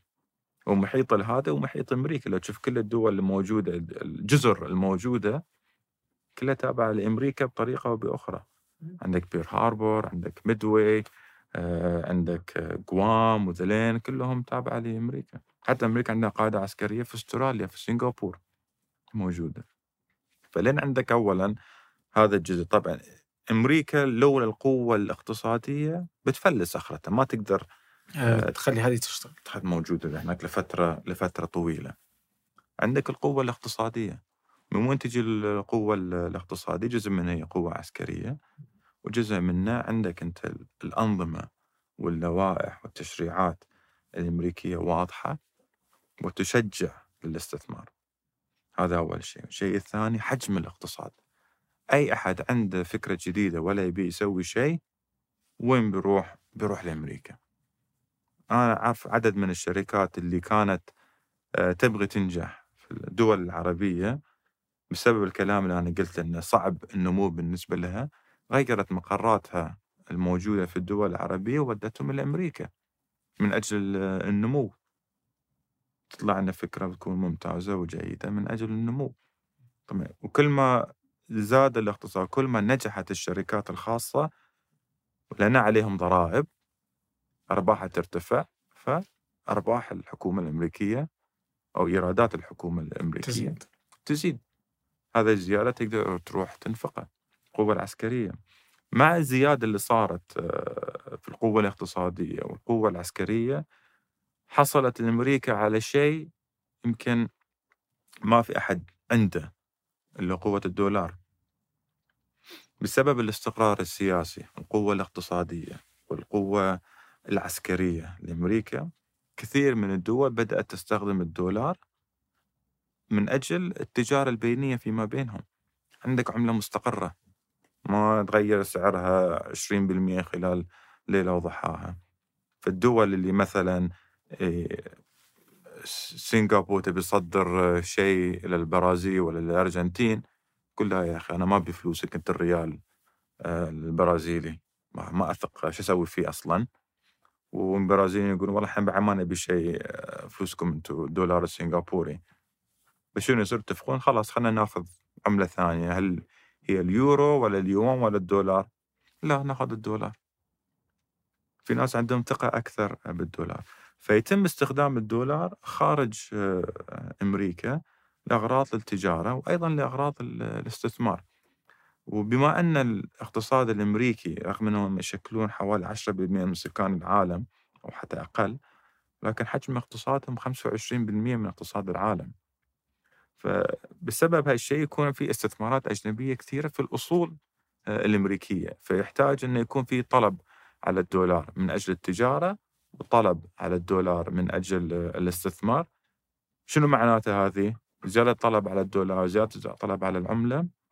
معناته انخفاض الفائدة على عملتها. هذا أول شيء. فانخفاض الحكومة تقدر تروح تصدر أدوات دين بفائدة منخفضة نسبيا وإذا عندها أي مشكلة باكرة تصيدها شو تسوي؟ تطبع دولارات إضافية. طبعا دو- هالدولارات الإضافية تساعد الاقتصاد على النمو وفي نفس الوقت تحتاج يتم استخدامه عالميا آه، في الموضوع يعني إحنا على س... بغض النظر إحنا كدولة موجودة بالسعودية بغض النظر حتى لو عملتنا ما كانت مرتبطة بالدولار حتى خلينا نقول ما كانت مرتبطة حر. ما نقدر نطبع بنفس السهولة مثلهم. إذا طبعنا بنفس السهولة تضخم بيرتفع ارتفاع كبير بالنظر فهم عندهم عندهم ضائقة اللي صار مثلا في 2007 2008 2009 وفي مشاكل الكورونا اللي صارت أبسط شيء سوت طبعت الدولارات بالمليارات تريليونات. ضخت في الاقتصاد عشان تساعد الاقتصاد في النمو. بقية الدول ما كانت تقدر تسوي هالشيء كان في ليمت حتى بريطانيا ما كانت تقدر تسوي هالشيء الصين يمكن تقدر تسوي الاتحاد الأوروبي مشكلة أخرى آه، آه، عندهم.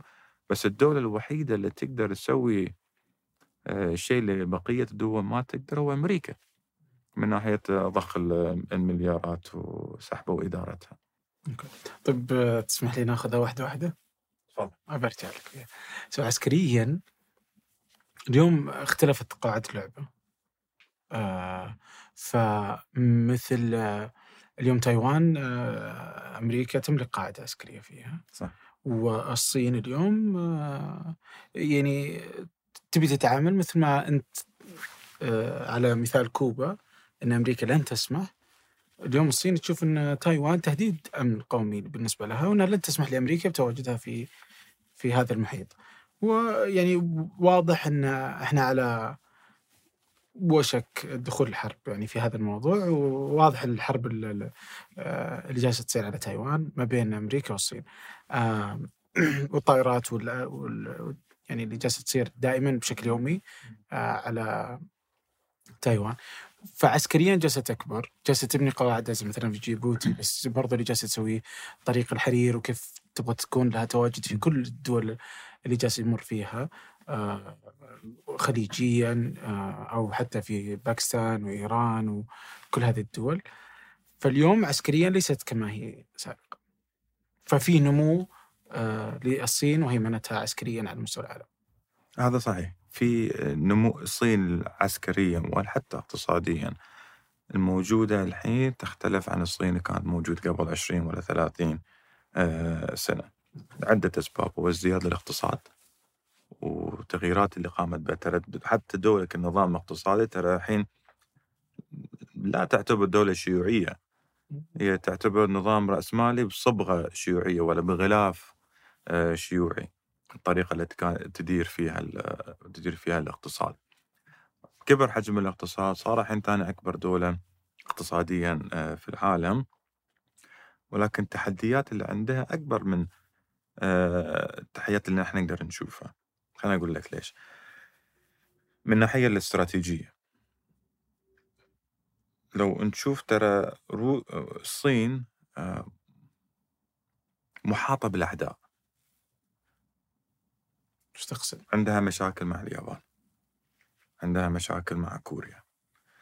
عندها مشاكل مع الفلبين. عندها مشاكل مع الهند. وعلى الرغم كل هذا الكلام يتكلمون مع روسيا عندها مشاكل أيضا آه، مع روسيا. آه، جزء منه أكيد تشجيع غربي لهالمشاكل وجزء منه بأنفسهم. وغربي تقصد أمريكا أمريكا والدول الأوروبية.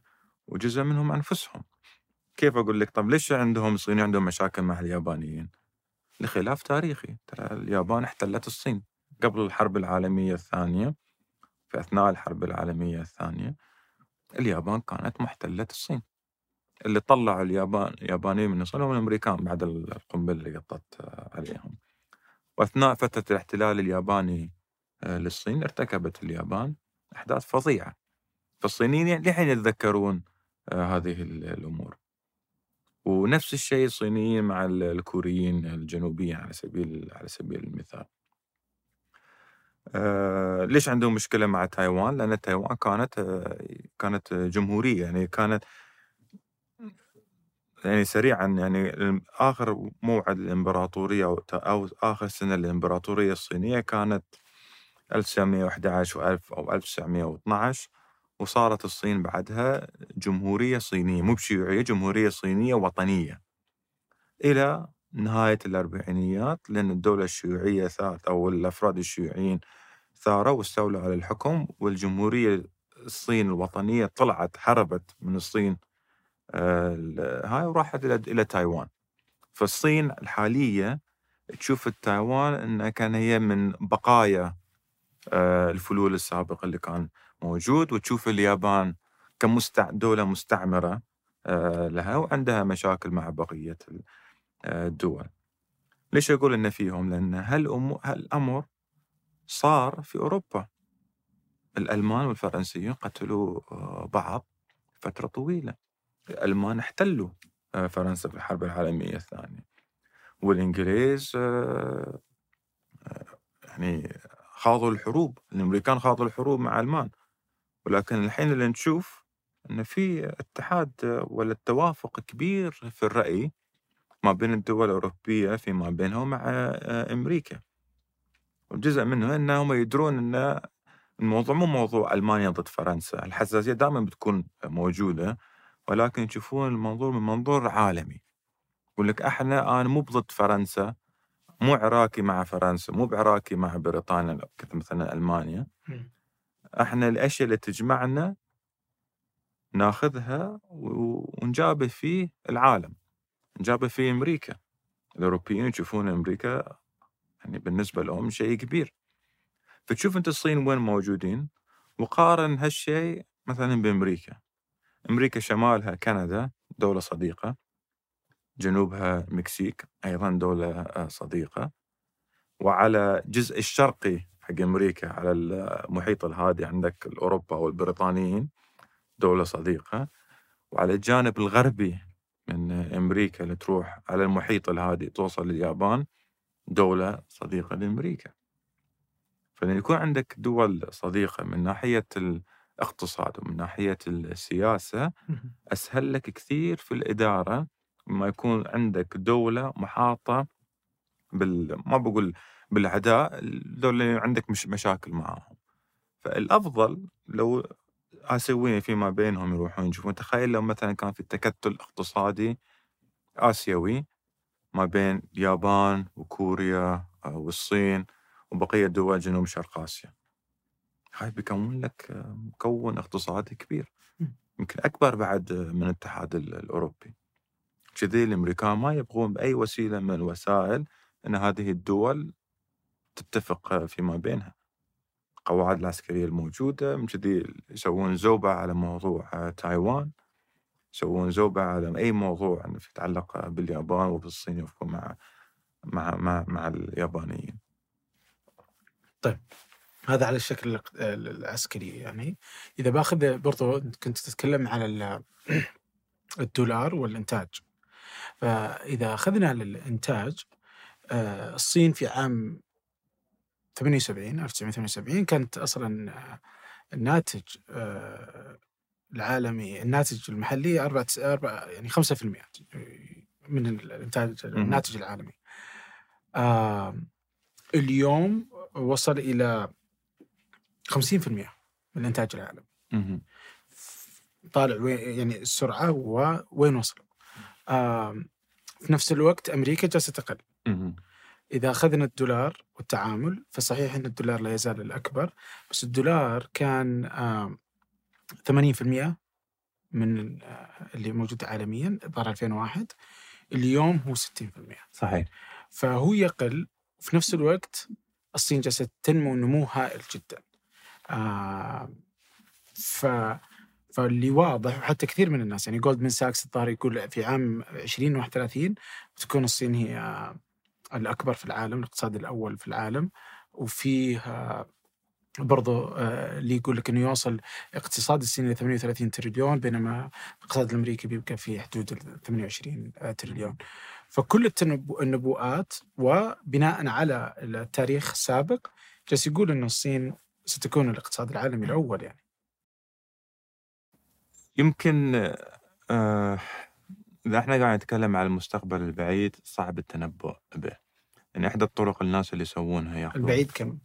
30 40 50 سنة آه، صعب جدا أن العمل على توقعات اقتصادية بيانية وين ممكن الأرقام آه، توصل لأن شو يسوون في هالطريقة في طريقة الحساب بالأرقام تشوفون أن مثلا أن الصين زاد حجم اقتصاده 10% سنويا آخر عشر آه، سنوات فيلا أنا بقول 8% سنويا حق 20 ولا 30 سنة وأمريكا 3% سنويا.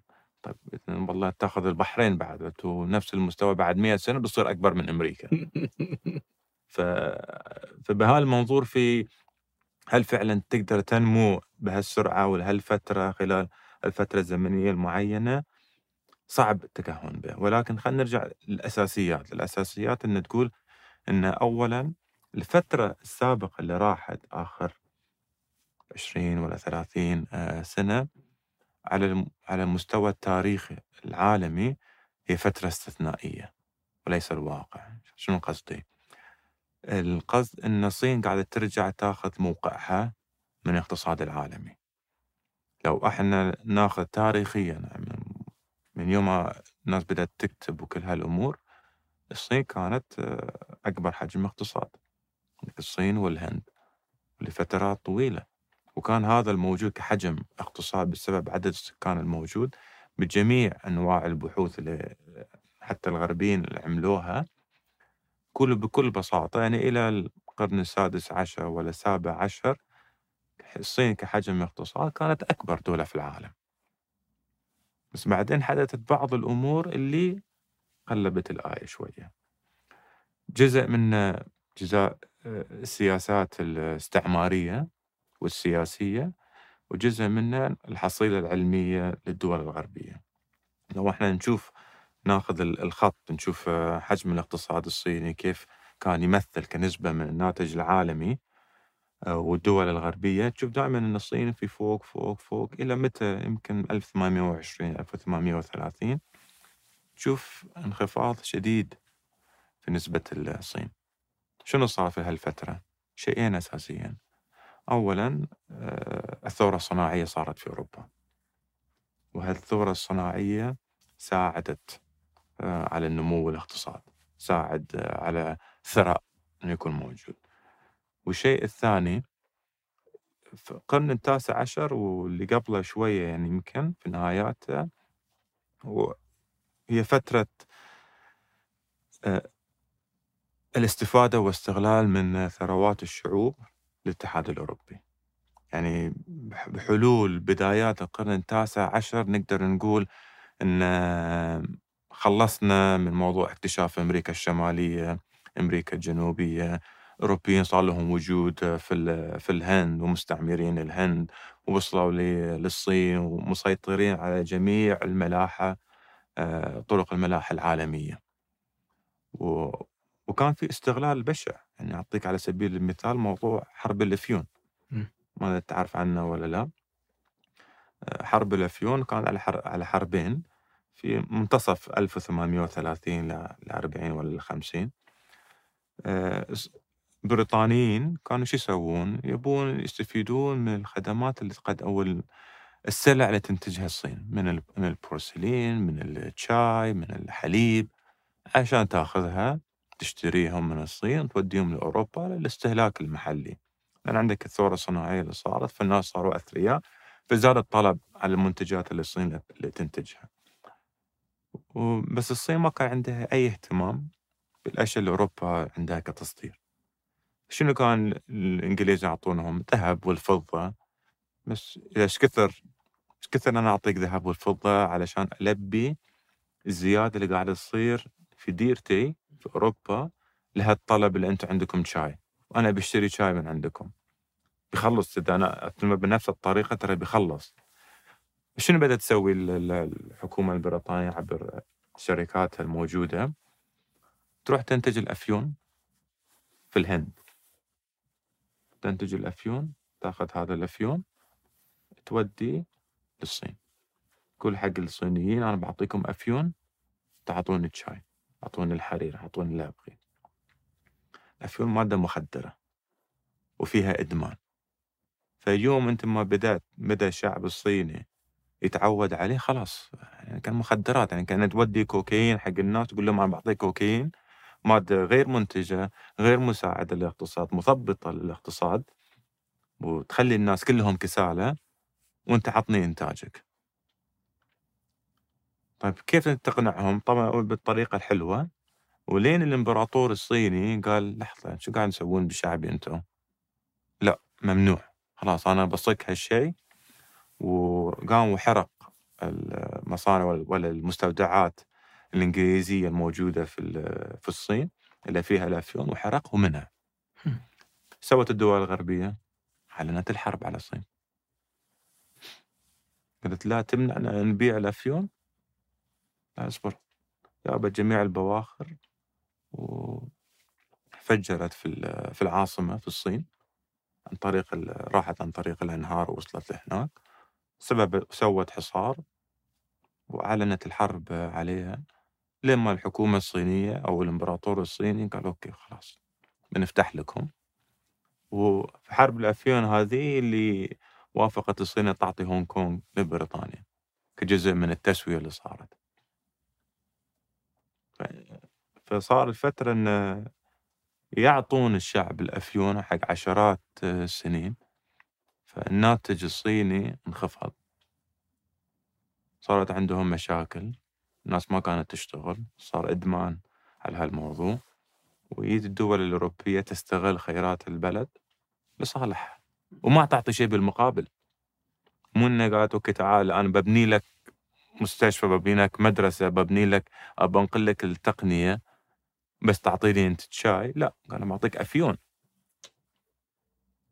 فلو تشوف هالفترة نرجع. فخلال هالفترة بسبب الثورة الصناعية اللي صارت في أوروبا وبسبب الحروب اللي كانت تشنها الدول الغربية بسبب تفوقها العسكري على الصين واستغلال خيرات البلد نزلت الصين.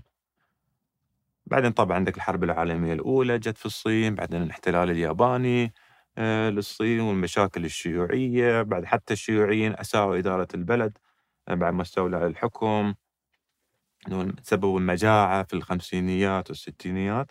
لين في السبعينيات بدأت آه، الطبقة الحاكمة في الصين تعيد ترتيب أولوياتها وبدأ التركيز يكون أكثر على الاقتصاد. فحزتها اللي كان تكلم أنت عنها بدأت ما بقول الثورة الصينية الاقتصادية ولكن بدأ النمو الصيني فالحين أقول أن الصين بدأت ترجع إلى ما كانت عليه بالسابق. تأخذ دورها في الاقتصاد. اللي هو المركز الأول. المركز الأول. متى بيكون هذا المركز الأول؟ هل أمريكا بتظل ساكتة بحيث أنه يكون في تفوق صيني عليها؟ طبعا لا. فمن كذا الحين عندك في عدة أمور صراع قاعد تجري حاليا في الاقتصاد. خصوصا في التقنية. أكبر آه، أوجه الصراع الاقتصادي هو الحين في التقنية اللي صاير في أشباه الموصلات على سبيل المثال. أشباه الموصلات أنت تحتاجها في الصناعة أشياء كثيرة في العالم. 80% من التصنيع لهالمواد تأتي من آسيا. الصين كوريا واليابان تايوان. وتايوان. ذين الدول الأربعة و12% فقط في أمريكا والبقية في أوروبا. فهاي بالنسبة للأمريكان خطر قومي. قبل ما كان في مشكلة لأن أوكي الصين وتايوان ربع وإلى آخره والصين مو قاعدة تتدخل كثير في الأمور العسكرية. كانت ساكتة. فعلا الصين في الثمانينات والتسعينات وبداية الألفية كانت مركزة على النشاط الاقتصادي. موضوع طريق الحرير موضوع آه، تنشئ قواعد في جيبوتي وتروح آه، في الدول الأفريقية تعطي مساعدات هذا كل شيء جديد آخر 10 سنين ولا 15 آه، سنة. هنا يقول لك أوكي إذا بكرة صارت حرب ما بين الأمريكان والآسيويين اشباه مواصلات هذا شيء مهم. فبدأوا الحين يستخدمون على هالشيء. الشيء الثاني موضوع التقنية والذكاء الاصطناعي. بدأت الصين تدخل فيه بقوه يعني أعطيك مثال. علي بابا كم عمره؟ شركة تقنية جديدة. تيك توك. تيك توك شركة صينية. يعني من يعني إلى الآن في مستثمرين أو في ناس أنا أعرفهم أقول لهم تيك توك ترى كشركة صينية مو مستوعبين. متى الصينيين يدخلون في هالأشياء؟ إنهم متعودين إنه كلها سناب إنستغرام وتويتر لأن كلها أشياء غربية أمريكية تطلع بشكل أساسي. فالحين عندك بالعكس تيك توك قاعد يصير جاذب أكثر وأكثر آه، للناس المستخدمين. آه، علي بابا وعندك شركات السيارات الكهربائية الصينية اللي قاعد تطلع. ففي توجه كبير من الصين على موضوع التقنية وفي صراع أمريكي صيني على موضوع التقنية. حتى في آه، براءات الاختراع وعدد الشركات منافسة شديدة ما بين الصين وأمريكا. اثنيناتهم واحد من الأول أو أو أو الثانيهم هو الثاني أوروبا بعيدين جدا عنهم. يعني في التقنية يمكن بريطانيا اللي كانت في الدول الأوروبية كانت نسبتها مرتفعة لكن الحين انفصلت من الاتحاد الأوروبي. فلو ناخذ الاتحاد الأوروبي بمضمونه الألماني والفرنسي والإيطالي بعيد جدا في موضوع التقنية. فالحين الصراع الصيني الأمريكي من غير موضوع العسكري العسكري واضح الحين أن إلى الآن أمريكا هي المتقدمة بفارق كبير آه، عن الصينيين وهذا التقدم يمكن 20 30 40 سنة آه، بيكون عندها.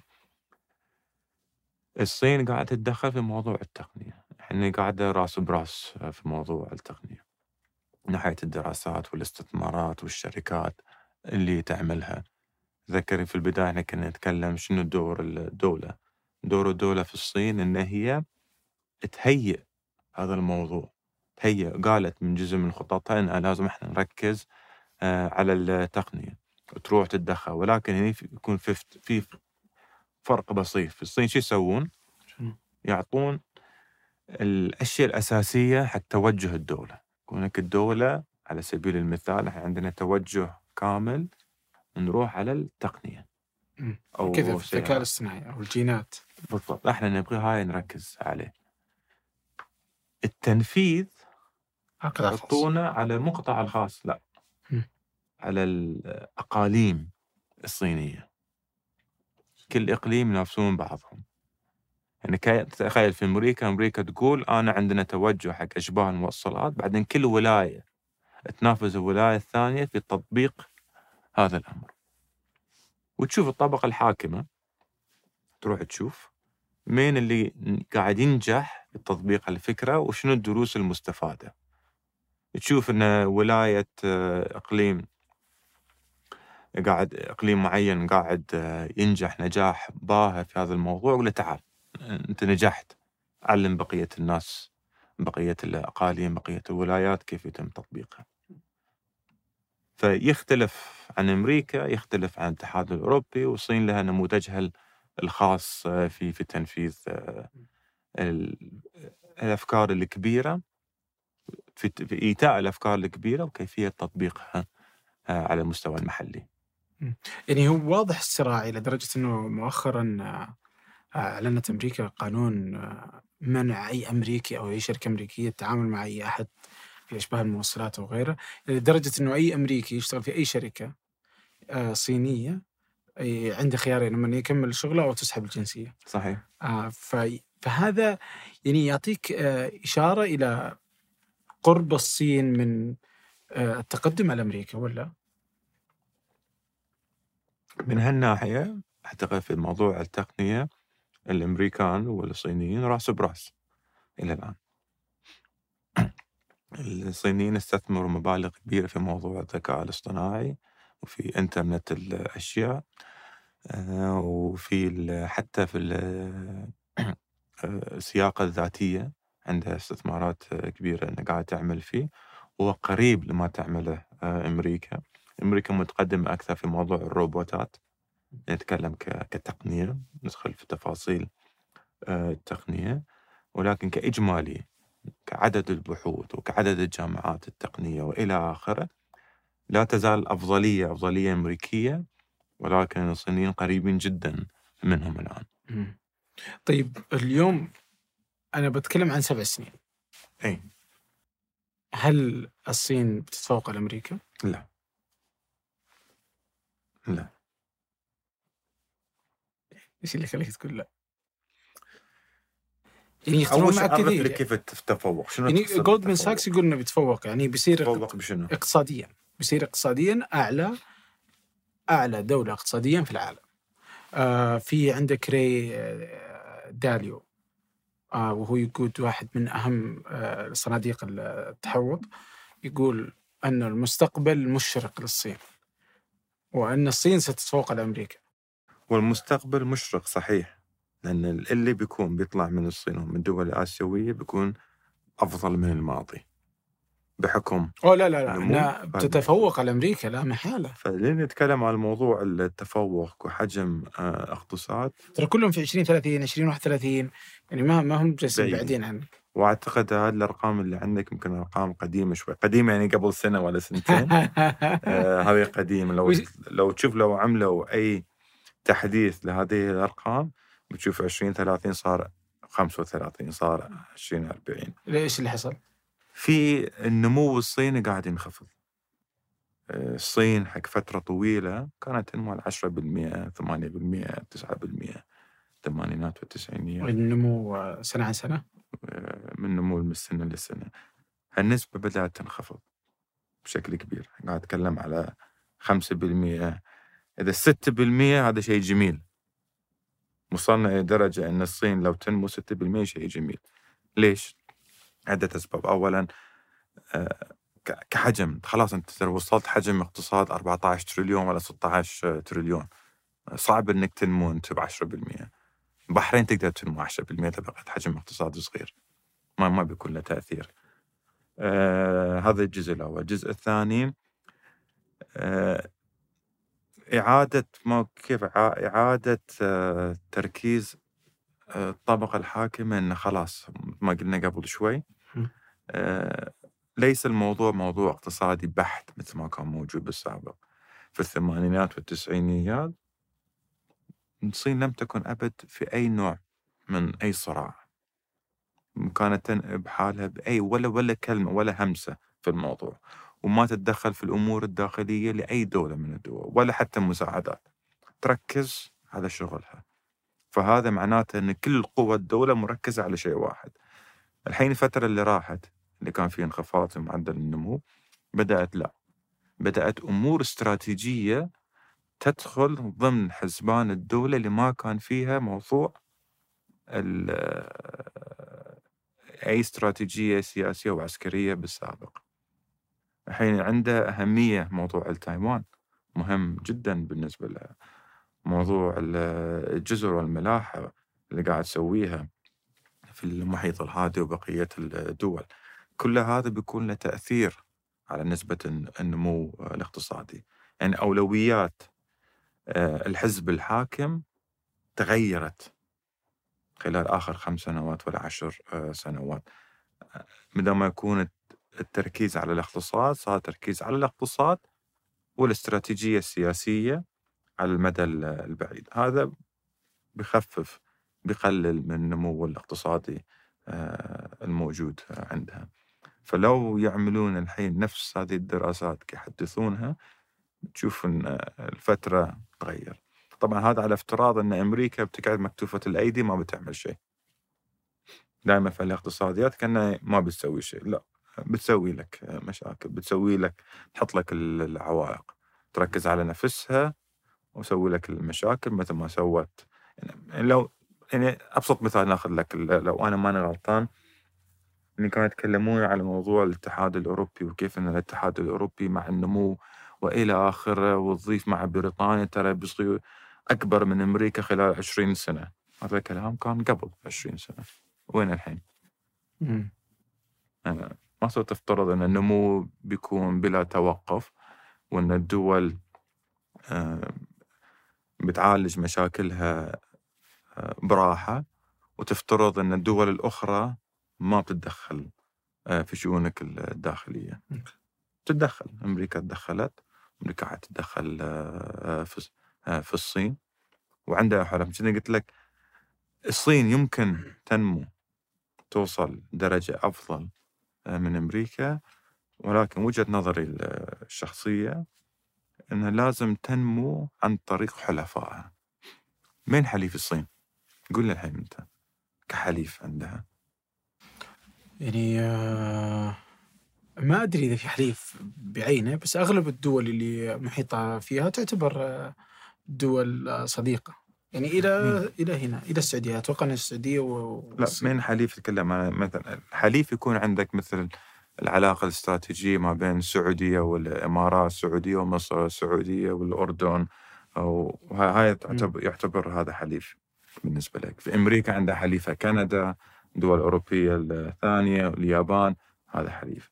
بس إذا عندك أنت علاقات اقتصادية مع دول هذا لا مو معناته أن هذا بيكون عندك حليف أو دولة آه، صديقة بحيث أنك تستفيد. الصين ما عندها حلفاء. كمنطقة جغرافية ما عندها باستثناء كوريا الشمالية. كوريا الشمالية شنو هاي؟ nothing. كل الدول المحيطة اللي عندها عندها مشاكل آه، معاها أكبر اقتصاديات عندها مشاكل مع الهند مع اليابان. فمن كذي حتى هي اضطرت أن تدخل في حلف من لا حليف له اللي هو بريكس. يسمونه برازيل وروسيا. آه، والهند وهاي ذلين الدول اللي ما عندها حلفاء قوى قريبين آه، من بعض. روسيا حليفها الكبير بيلاروسيا. نعم. حتى علاقتها مع الصين ما علاقات كويسة ما فينا شيء جيد مع آه، الهند من حليفات عندها مشاكل مع بنغلاديش مشاكل مع باكستان مشاكل مع أفغانستان. يمكن حليفها الوحيد اللي يمكنها أمريكا بس عندها مشاكل. آه، معها أيضا هي غير محاطة. برازيل كلهم يكرهونها في أمريكا الجنوبية فكذي هي رايحة بروحها. وجنوب أفريقيا حالة خاصة. آه، اقتصاد آه، جيد حجم اقتصاد جيد محاط بدول حليفة معاه ولكن ضعيفة اقتصاديا وعسكريا. فذلين قالوا خلنا إحنا نكون منظمة. طبعا هالمنظمة ما بينهم أي تحالف اقتصادي. ما في التجارة الدولية تكون محفية من الضرائب على سبيل المثال واتفاقيات معينة. بس إحنا بننشأ على هالموضوع أن نقرب وجهات النظر. هذا الشيء الأساسي فيما بينهم. ولكن هو ليس كمنظمة للتعاون على آه، وزن آه، في أيام أمريكا نافتا اللي كان موجود ولا على وزن الاتحاد الأوروبي ولا على وزن دول مجلس التعاون الخليجي ولا حتى على وزن ايشن آه، دول الآسيوية ولا الناتو ولا شيء؟ لا. وش طيب؟ بس لتقريب وجهات النظر لا أكثر ولا أقل.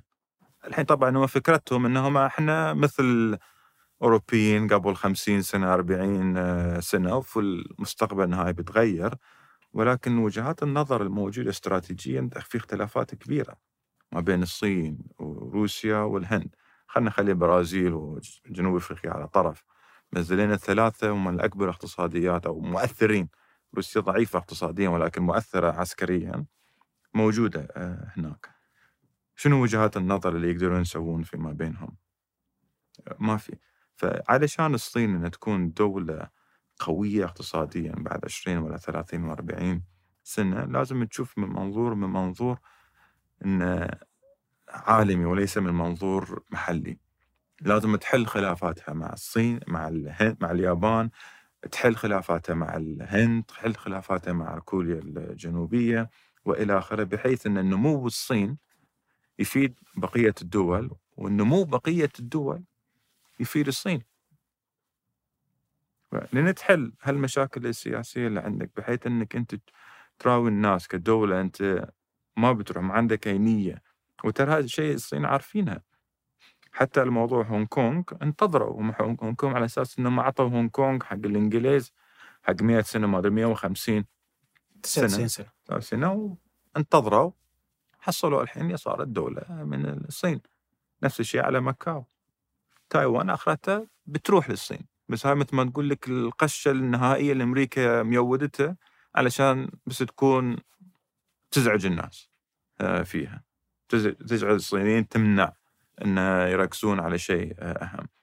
ف فهذه نقطة الضعف الأولية الموجودة مو قاعدة آه، تحل. قاعدة الهند سوري عذرا الصين قاعدة تروح تبحث لها عن حلفاء في إفريقيا حلفاء في سريلانكا حلفاء في أمريكا الوسطى دول فقيرة غير قادرة لا سياسيا ولا اقتصاديا ولا عسكريا.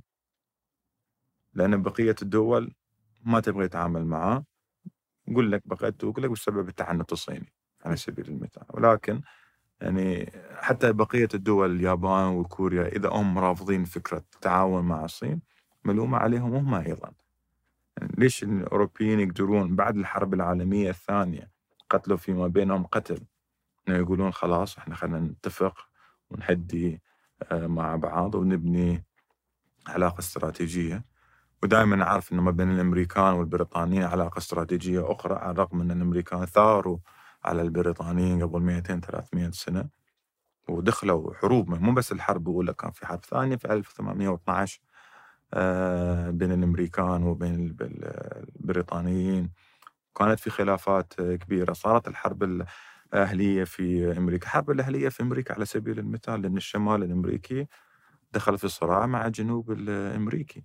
دخلوا قطعة كانت أفظع حرب آه، دخلت في أمريكا. قتلوا بعض وحرقوا بيوت آه، بعض.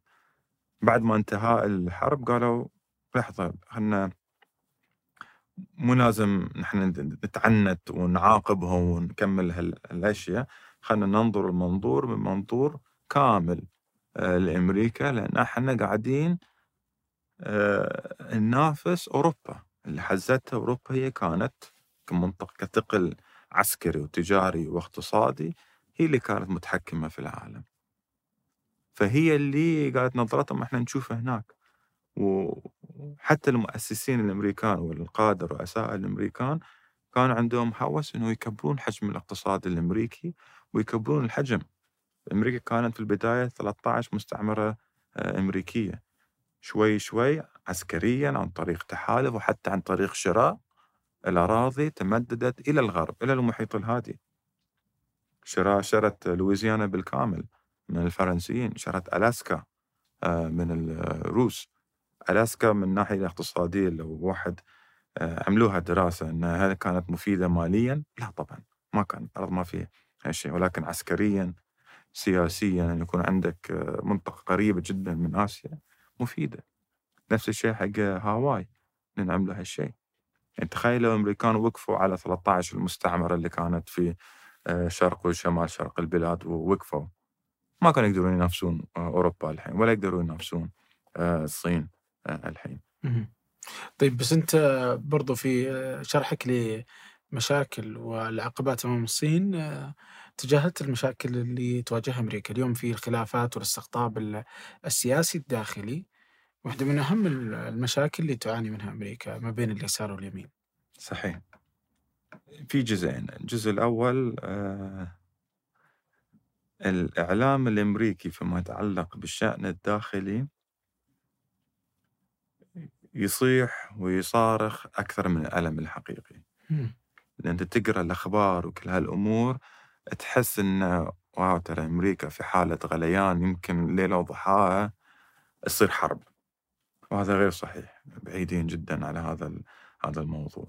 في تأجيج من ناحية الأسباب سياسية وانتخابية ولا إلى وإلى آخره في تأجيج لهذه لهذه الأمور.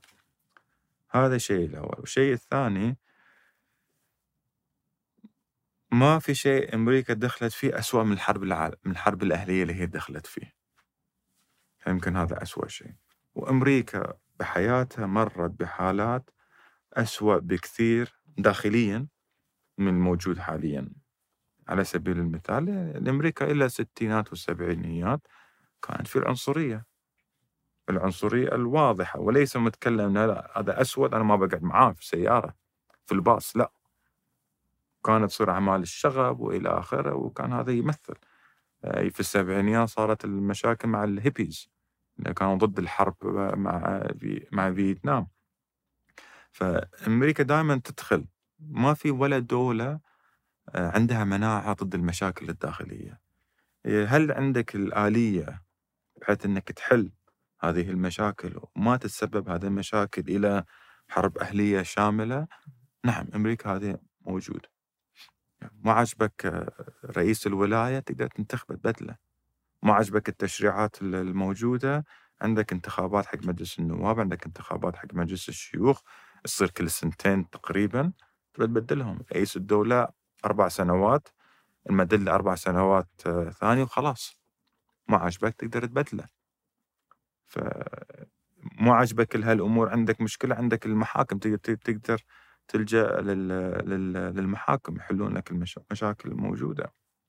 فاللي نسمعه حاليا من المشاكل الموجودة في أمريكا مبالغ آه، فيه في خلافات ما بين اليمين واليسار في حالات آه، قتل الصيب بسبب السلاح وإلى آخره ولكن لا ترقى أبد إلى درجة المشاكل اللي مرت فيها أمريكا سابقا في الستينات ولا السبعينات ولا ترقى إلى المشاكل اللي مرت فيها أقدم من هذا الشيء من ناحية الحروب.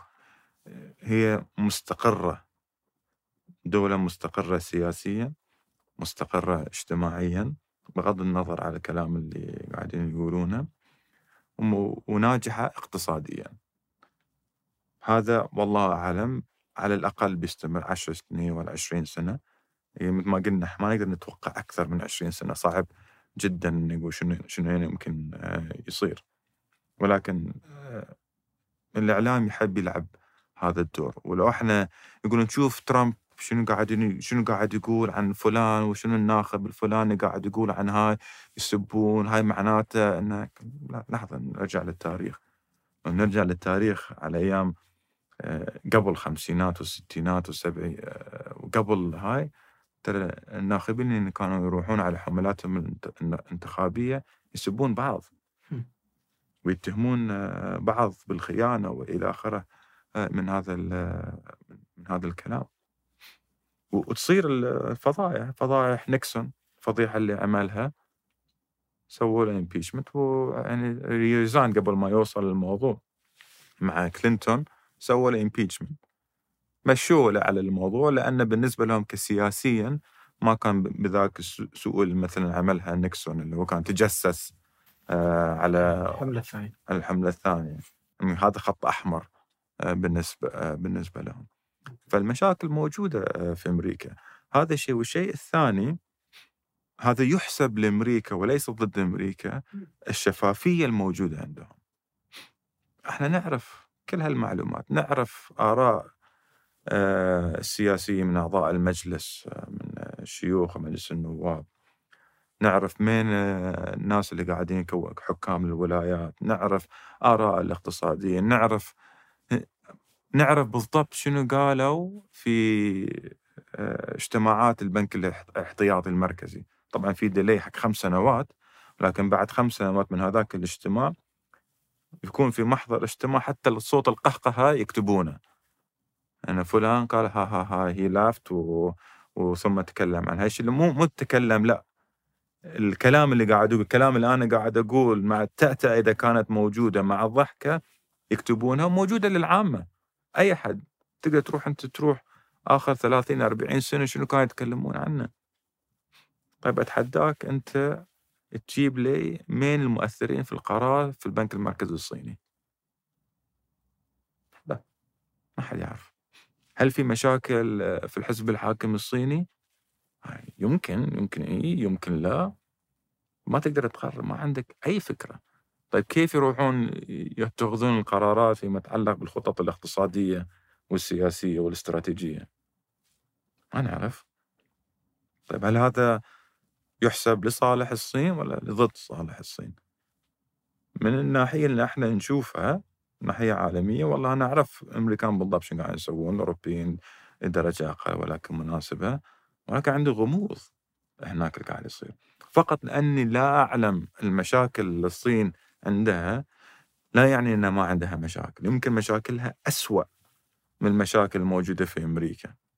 بس بسبب الإعلام الغربي وسبب الشفافية اللي عندهم نسمع أكثر. فإحنا المصادر المعلومات هو الإعلام. هو اللي يسيطر شنو اللي نقرأ وشنو اللي نشوف.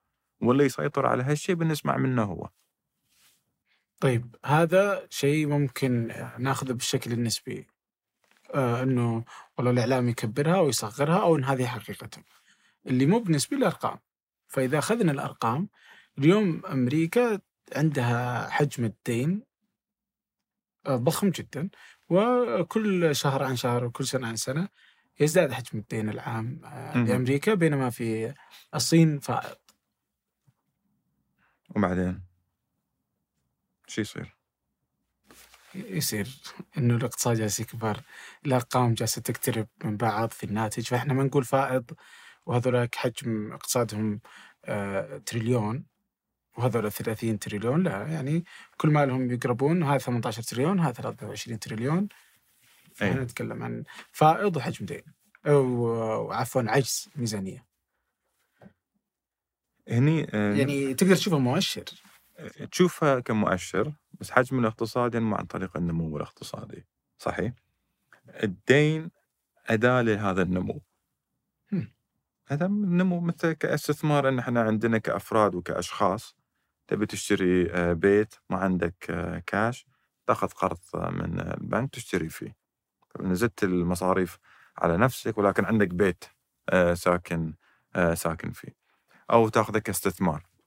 تقدر تستثمر عن شيء عن فلوسك وتاخذ جزء من فلوسك وجزء من فلوس البنك تعظم لك العوائد وفي نفس الوقت تزيد لك المخاطر. طيب؟ فالدين دائما حق الأفراد والأشخاص والشركات سلاح ذو حدين. وأيضا سلاح ذو حدين للدول الناشئة اللي تعتمد على الاستثمارات الخارجية أو على الأموال الخارجية. ولكن الدول الأساسية اللي هي اليابان وأمريكا والصين وبعض بعض الدول الأوروبية مو لهناك ليش؟ لأن أولا تقدر جم... ناخذ الدين الأمريكي الدين الأمريكي كله بالدولار ما يصدرون أي شيء باليورو والعملات الثانية كيف كيف يفلسون؟ كيف ما يقدرون يدفعون؟ عندك تريليونات من الدولارات أنت أصدرتها كسندات الخزينة. كيف ما تقدر تدفع؟ أسوأ الأحوال تطبع فلوس زايدة. طبعا يسبب لك مشكلة في التضخم هاي تحل لك مشكلة تبني لك مشكلة ثانية ولكن موضوع كدين تقدر تدفع. فتقدر تروح أنت لأي نسبة تبيها من الدين آه، درجة معقولة يعني ما أقول أي نسبة بدون ما بدون ما يتأثر. الخلاف يكون الحين شنو هي النسبة. هل هي 100% من حجم الاقتصاد ولا 120% ولا 50% السعودية الحين أعتقد 30 ولا 34% فقط من أجل المقياس والمعيار. أمريكا 110% كم اليابان؟ 240% آه. بس لاحظ 240% صح ما أفلست الحكومة اليابانية ولكن شوف اقتصادها. اقتصادها سيء مو قاعد ينمو. طبعا ليش زادت من اللي وصل 240 الحكومة قاعدة تضخ وتضخ وتضخ عشان ينمو الاقتصاد مو قاعد ينمو. لا تضخم قاعد يرجع آه، ولا شيء. يعني مشاكلها مشاكل هيكلية وليس مشاكل مالية. يعني يحاولون يحلون مشكلة مو بطريقتها. عندهم انخفاض في عدد السكان وإلى آخره ولكن موضوع آخر. آه، فنرجع موضوع الدين. فأولا موضوع الدين ليس بالسوء اللي إحنا نقدر نقول انه اوه ترى ارتفع من 60% ل 110 أمريكا بتنفجر ما عندها فلوس لا تحلها بكل بساطة يعني هذا أول شيء. آه والشيء الثاني هذه ما أول مرة إن أمريكا توصل لهالدرجة. أمريكا تمشي في دورات. في الحرب بعد الحرب العالمية الثانية وصلت النسبة ل 120 130 140 بعد فترات خفضتها وصل ل 60%. ونفس الشيء في الأيام في التسعينيات بداية الألفية. إذا أنا ماني غلطان إنه ما كانت في سندات الخزينة. كان في تخوف إن خلاص أمريكا كلها أرباح أيام كلينتون أرباح وأرباح أرباح إيرادات إيرادات وفائض وفائض وفائض. قلت خلاص ما ما ما يحتاج أطلع سندات. وكان بيسبب أزمة شوية اقتصادية مالية. حق الدولة لأن في كثير من المستثمرين يعتمدون على هذه الأموال حق علشان العائد وإذا فجأة تروح تقول لهم خلاص ما عندي سندات وين بتروح الأموال.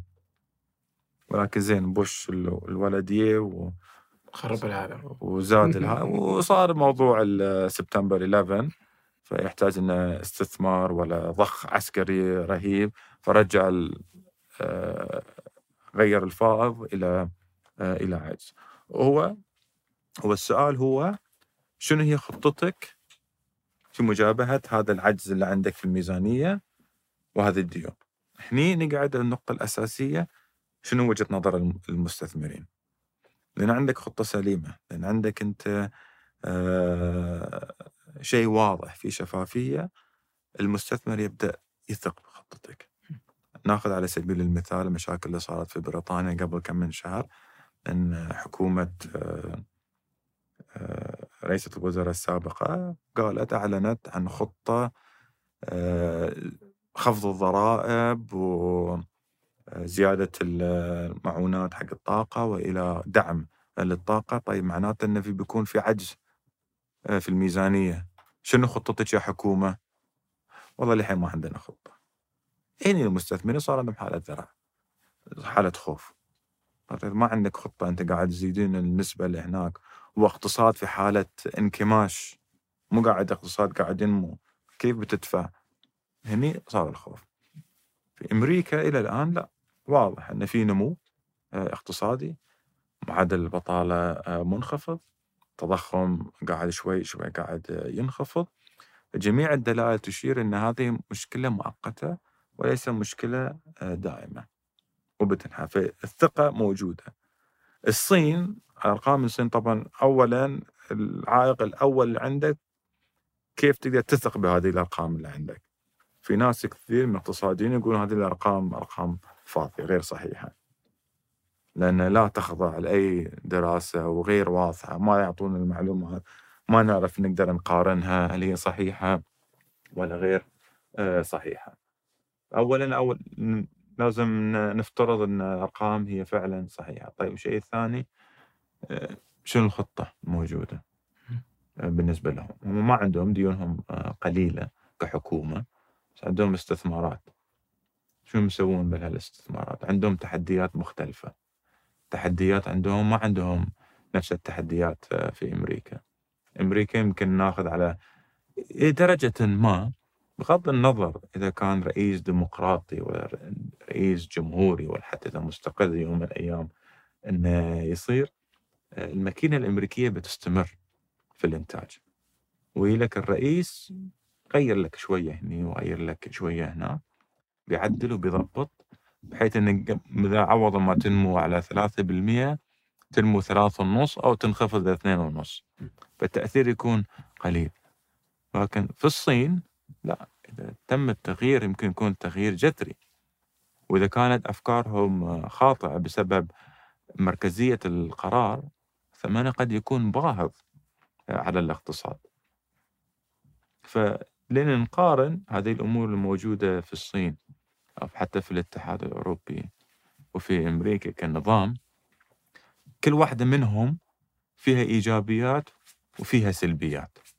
الإيجابية مثلا في الناحية الصينية إذا كانت الفكرة سليمة وصحيحة تنفيذا يجي من فوق يقول لك حق الأقاليم الثانية تعال كل واحد جرب ويروحون إذا في أي غلط وتجربة أثبتت فشلها ما ينتظرون لنهاية الأمور عشان يعدلونك خلاص لك أوامر عدل وضبط وانتهينا.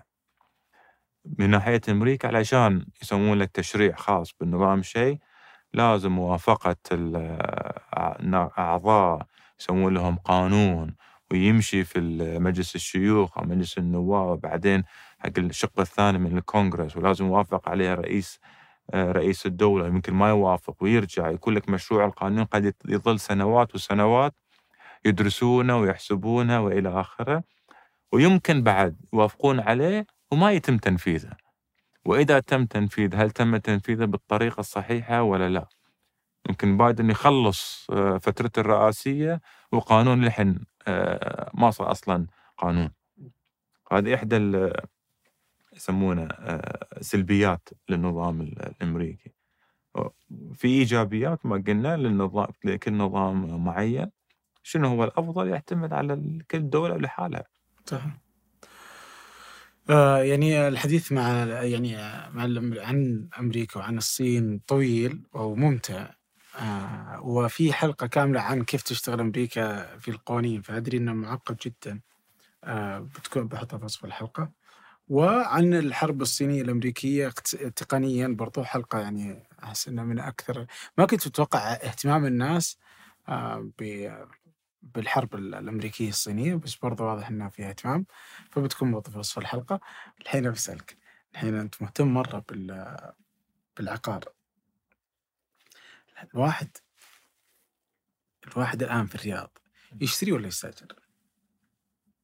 عليك أنت. شنو ما ما أقدر.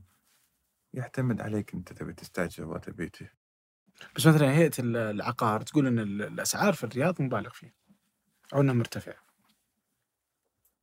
فهل شنو تبي؟ الهيئة قاعدين نصور الحين ولا لا؟ لسه مصورين. ها بيطلع الكلام هذه؟ ممكن. على حسب إيش تبي تقول. لا بكل بكل صراحة يعني إن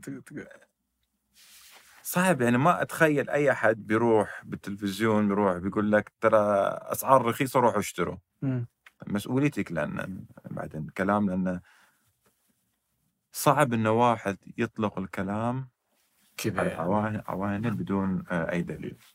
لأن واحد يقول لك إن أسعار رخيصة روحوا واشتروا أقول له ليش؟ ولا واحد يقول لا الأسعار غالية لا تروحون تشتروا لك ليش؟ النصائح اللي تكون آه، جماعية وتكون للجميع هذه محفوفة بالمخاطر. يعني خلينا ناخذها على سبيل المثال. آه، الحكومة قالت إن الهدف ان توصل نسبة التملك إلى 70% صح. صح؟ طيب ليش ما قالت 100%؟ لأنه غير ممكن. شلون؟ غير ممكن.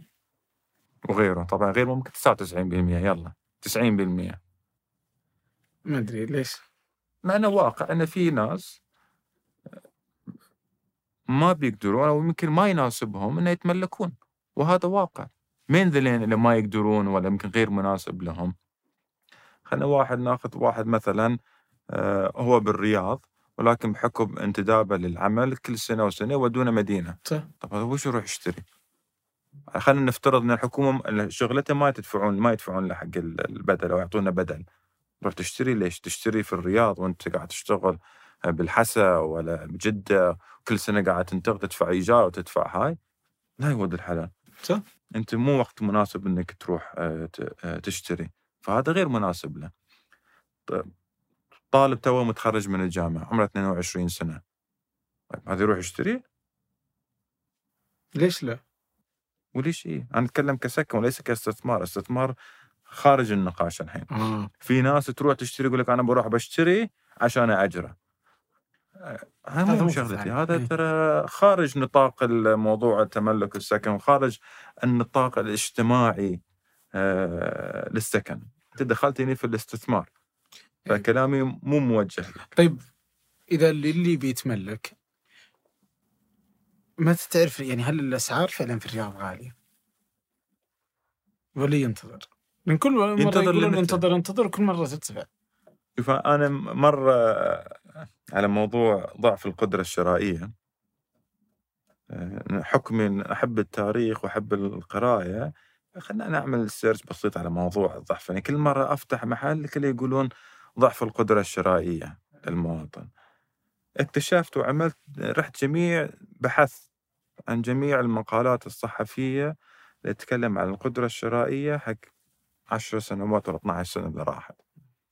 كل سنة من هذه السنوات طبعا صحف تنقل عن خبراء إن في ضعف في القدرة الشرائية لدى المواطن. طيب مو معقوله.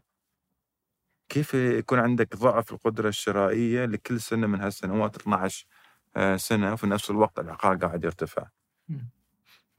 يعني أما العقار مو قاعد يرتفع وهذا كلام غلط.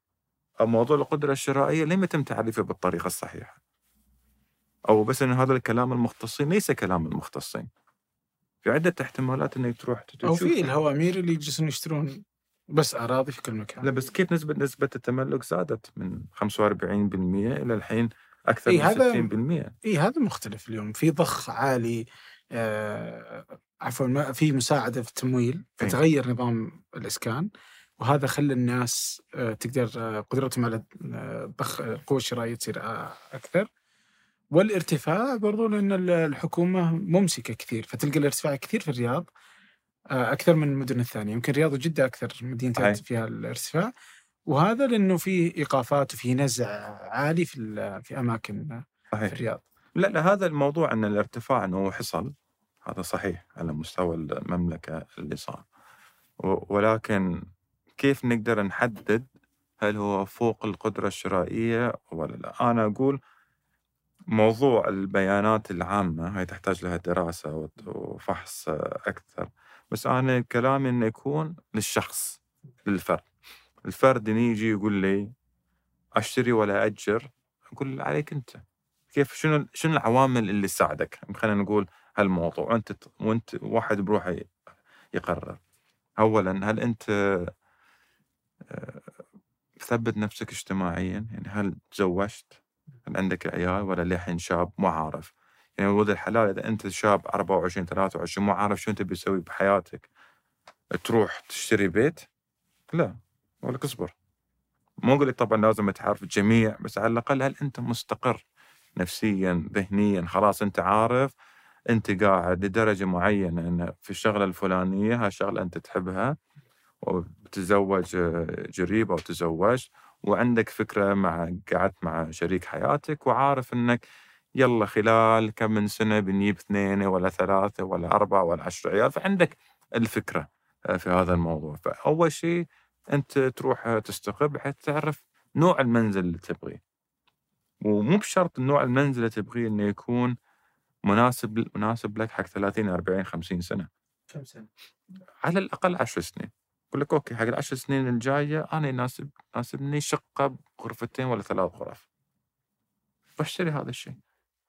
مناسب. حق 10 سنين ولا تستأجر 10 سنين احسن؟ هني تحسبها.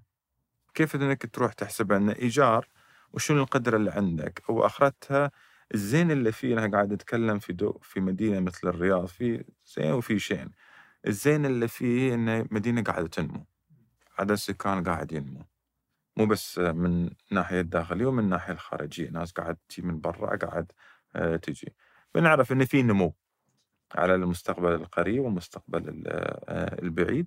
وأنا أقول فرضا لو بس نص مرئيات 2030 تحققت هذا إنجاز كبير. وهذا الإنجاز عن نص المرئيات ترى بيكون له تأثير إيجابي قوي على العقار وعلى آه، على الاقتصاد. فهذه أول كنقطة وشيء من من الناحية الثانية من ناحية الموضوع النمو لأن المدينة قاعدة تنمو فالنمو مرح- مراحل مو مراحل أماكن النمو قاعدة تتغير بشكل كبير. يعني مثلا آه، البطحة. اللي قبل كم من سنة كانت عامرة بالناس يعني عامرة بالسكان وعامرة وتجارة وإلى آخره. الحين وين هي؟ سكوت. ما فيها شيء. وسط آه، وسط الرياض. آه، لو تروح هناك وسط الرياض في شواغر كثيرة. آه، الدائري الشمالي قبل عشر سنين ولا 15 سنة كانوا يعتبرونه بر فوق الدائري الشمالي على سبيل المثال. فالتغيرات تصير التغيرات تصير كثير. آه، في ففي فوائد للإيجار في فوائد للتملك. فوائد الايجار إنك اولا كمبلغ آه، مقارنة بالراتب أقل من الاستقطاع هذا أول شيء. ثاني شيء يعطيك حرية التنقل. قعدتني ما عجبك جيرانك ما عجبك المنطقة. شغلك بدلوه. قبل كنت تشتغل هني غيروا محل شغلك ودوك لشرق الرياض. تقدر آه، إنك تروح طيب آه، وش عيوب الإيجار؟ أيوه بالايجار ما عندك ضمان على موضوع كمبلغ لك أي وقت وفترة أنت تحت رحمة المؤجر. آه، رحمة المشاكل. إذا عندك مشاكل مع العقار نفسه تكون تحت رحمته. طبعا يقول لك تقدر تغير بس كل ما كبرت عائلتك صعب. إذا أنت شاب بروحك أنت ولا زوجتك شخصين تشيلون قشكم وتطلعون سهل. هذيك في مدارس في- مدارس عندك عيال وكل هالأمور. فمن تقول أنت وين وصلت اولا؟ أنا دا للشخص اللي أنا حتى أتردد ان أقول هذا الكلام ولكن أشوف الشخص اللي متزوج وعنده ولد و ولد أو بنت بأعمار صغيرة ثلاث أربع سنين قبل ما يروحون الجامعة هذا هو الوقت المناسب إنك أنت تشتري بيت. إنك تفكر إنك تشتري بشكل جدي إن البيت يكون مناسب آه، لك. والبيت الشكل المثالي إنه بس عشر سنين قدام تشوف احتياجك له؟ يعني على الأقل إنه يكفي لك. ما تدري أنت وقاعد وزوجتك تفكرون أنتم وتجيبون اثنين عيال. يمكن باخر المطاف يكون أربع عيال ولا خمسة عيال.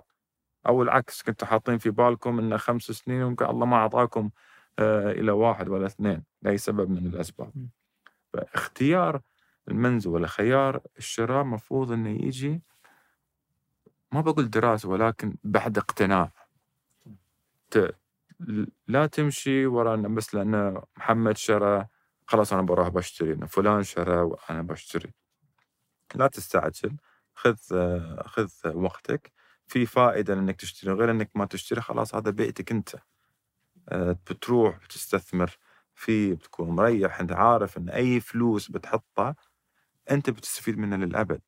يسبب لك نوع من الراحة النفسية. أنا أبسط مثال شيء بسيط جدا يعني يمكن الناس ما يلاحظونها إذا أنت قاعد بيت إيجار وعندك الجدران خربانة ولا كل هالأمور خلي يسبب لك ضرر نفسي يمكن ما تحسه غير إنك ترجع من الدوام للبيت عارف إنه ولله الحمد بيتك حلو وما في شخابيط على الجدران ما فيها تشققات ولا إلى آخره يعطيك الراحة النفسية. هذه لها قيمه آه، أيضا.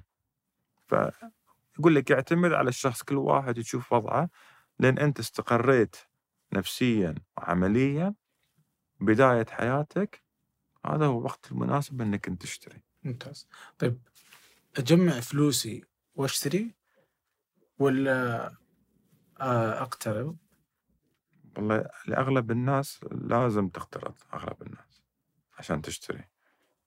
بس لو كان عندي الخيارين هذه أجمع جمع جمع إلى أن أجيب المبلغ. تجمع طبعا. جمع أحسن من الاقتراض؟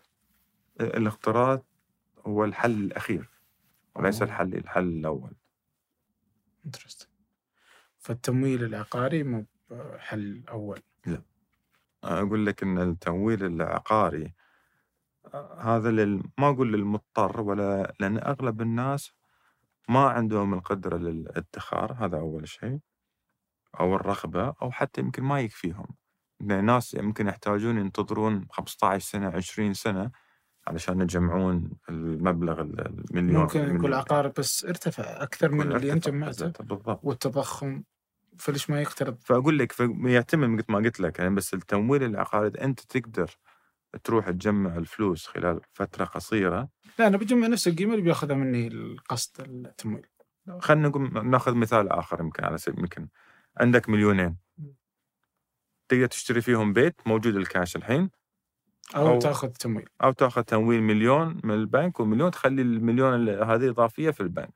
هنا أقول لك لا تاخذ الكاش اللي عندك بالكامل. وتستثمر. إذا عندك مليون واحدة بس وما عندك المليون الثانية تاخذ تمويل عقاري طيب إذا عندك المليونين اي تخليهم كاش وتستثمر في أماكن ثانية وتاخذ تمويل عقاري لا. ولا تشتري بالمليونين ال- تشتري بالمليونين. أقول لك ليش. قل لي ليش. لأن لن تاخذ التمويل العقاري فيسبب لك نوع من الالتزام المالي. أنت غصبا عليك كل شهر لازم تدفع للبنك. صحيح؟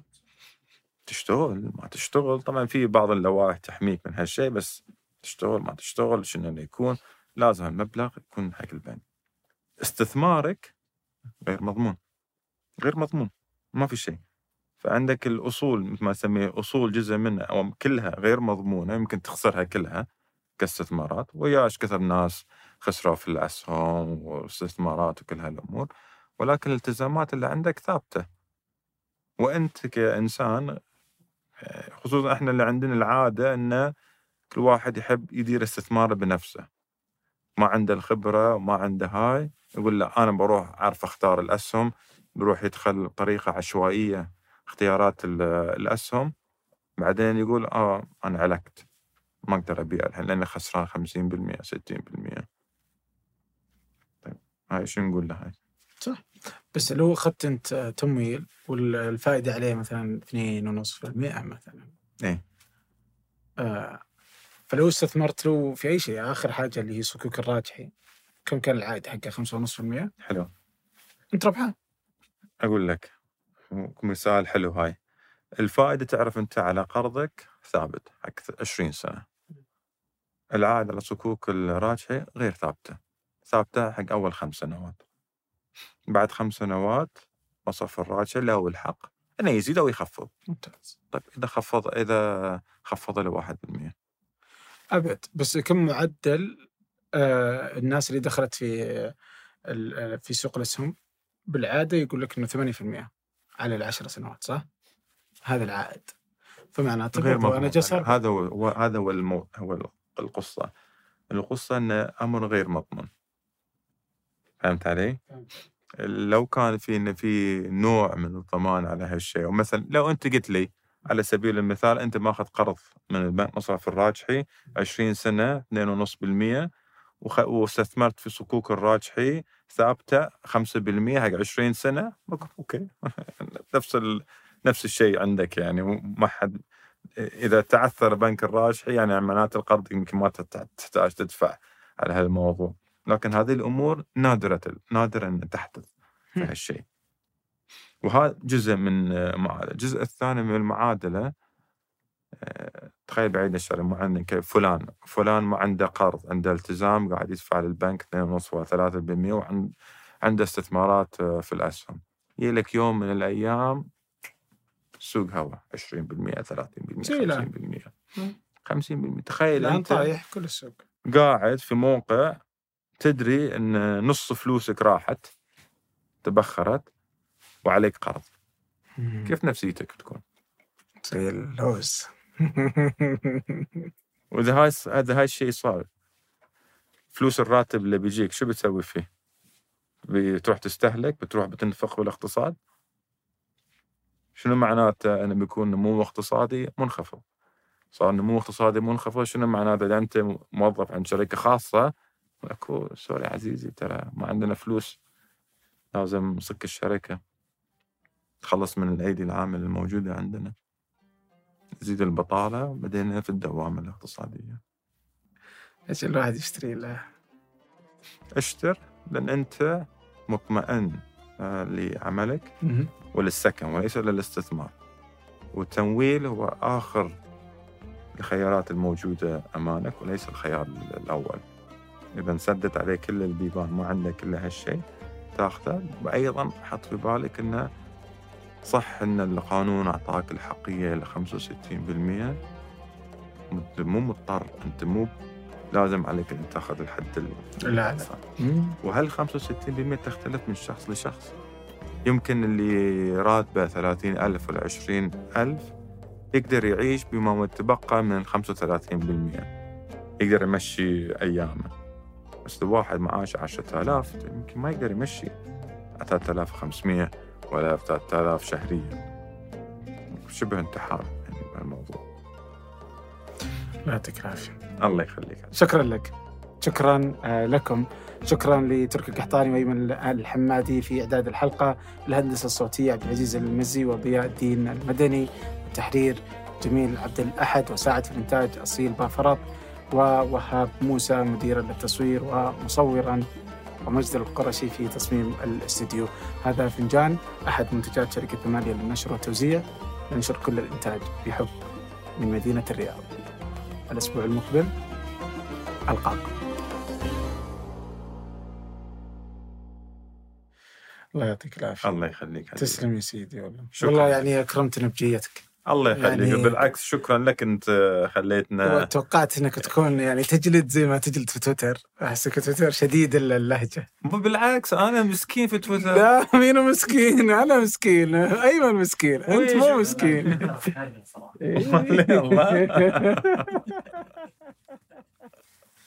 بس يعني هنا دبلوماسي ويمكن اصيل يمكن ما ندري والله. يعني ما فتحت الكريبتو طبعا الكريبتو تجاوزته يعني. إيه. خفتك تقول لا البيتكوين ممتاز.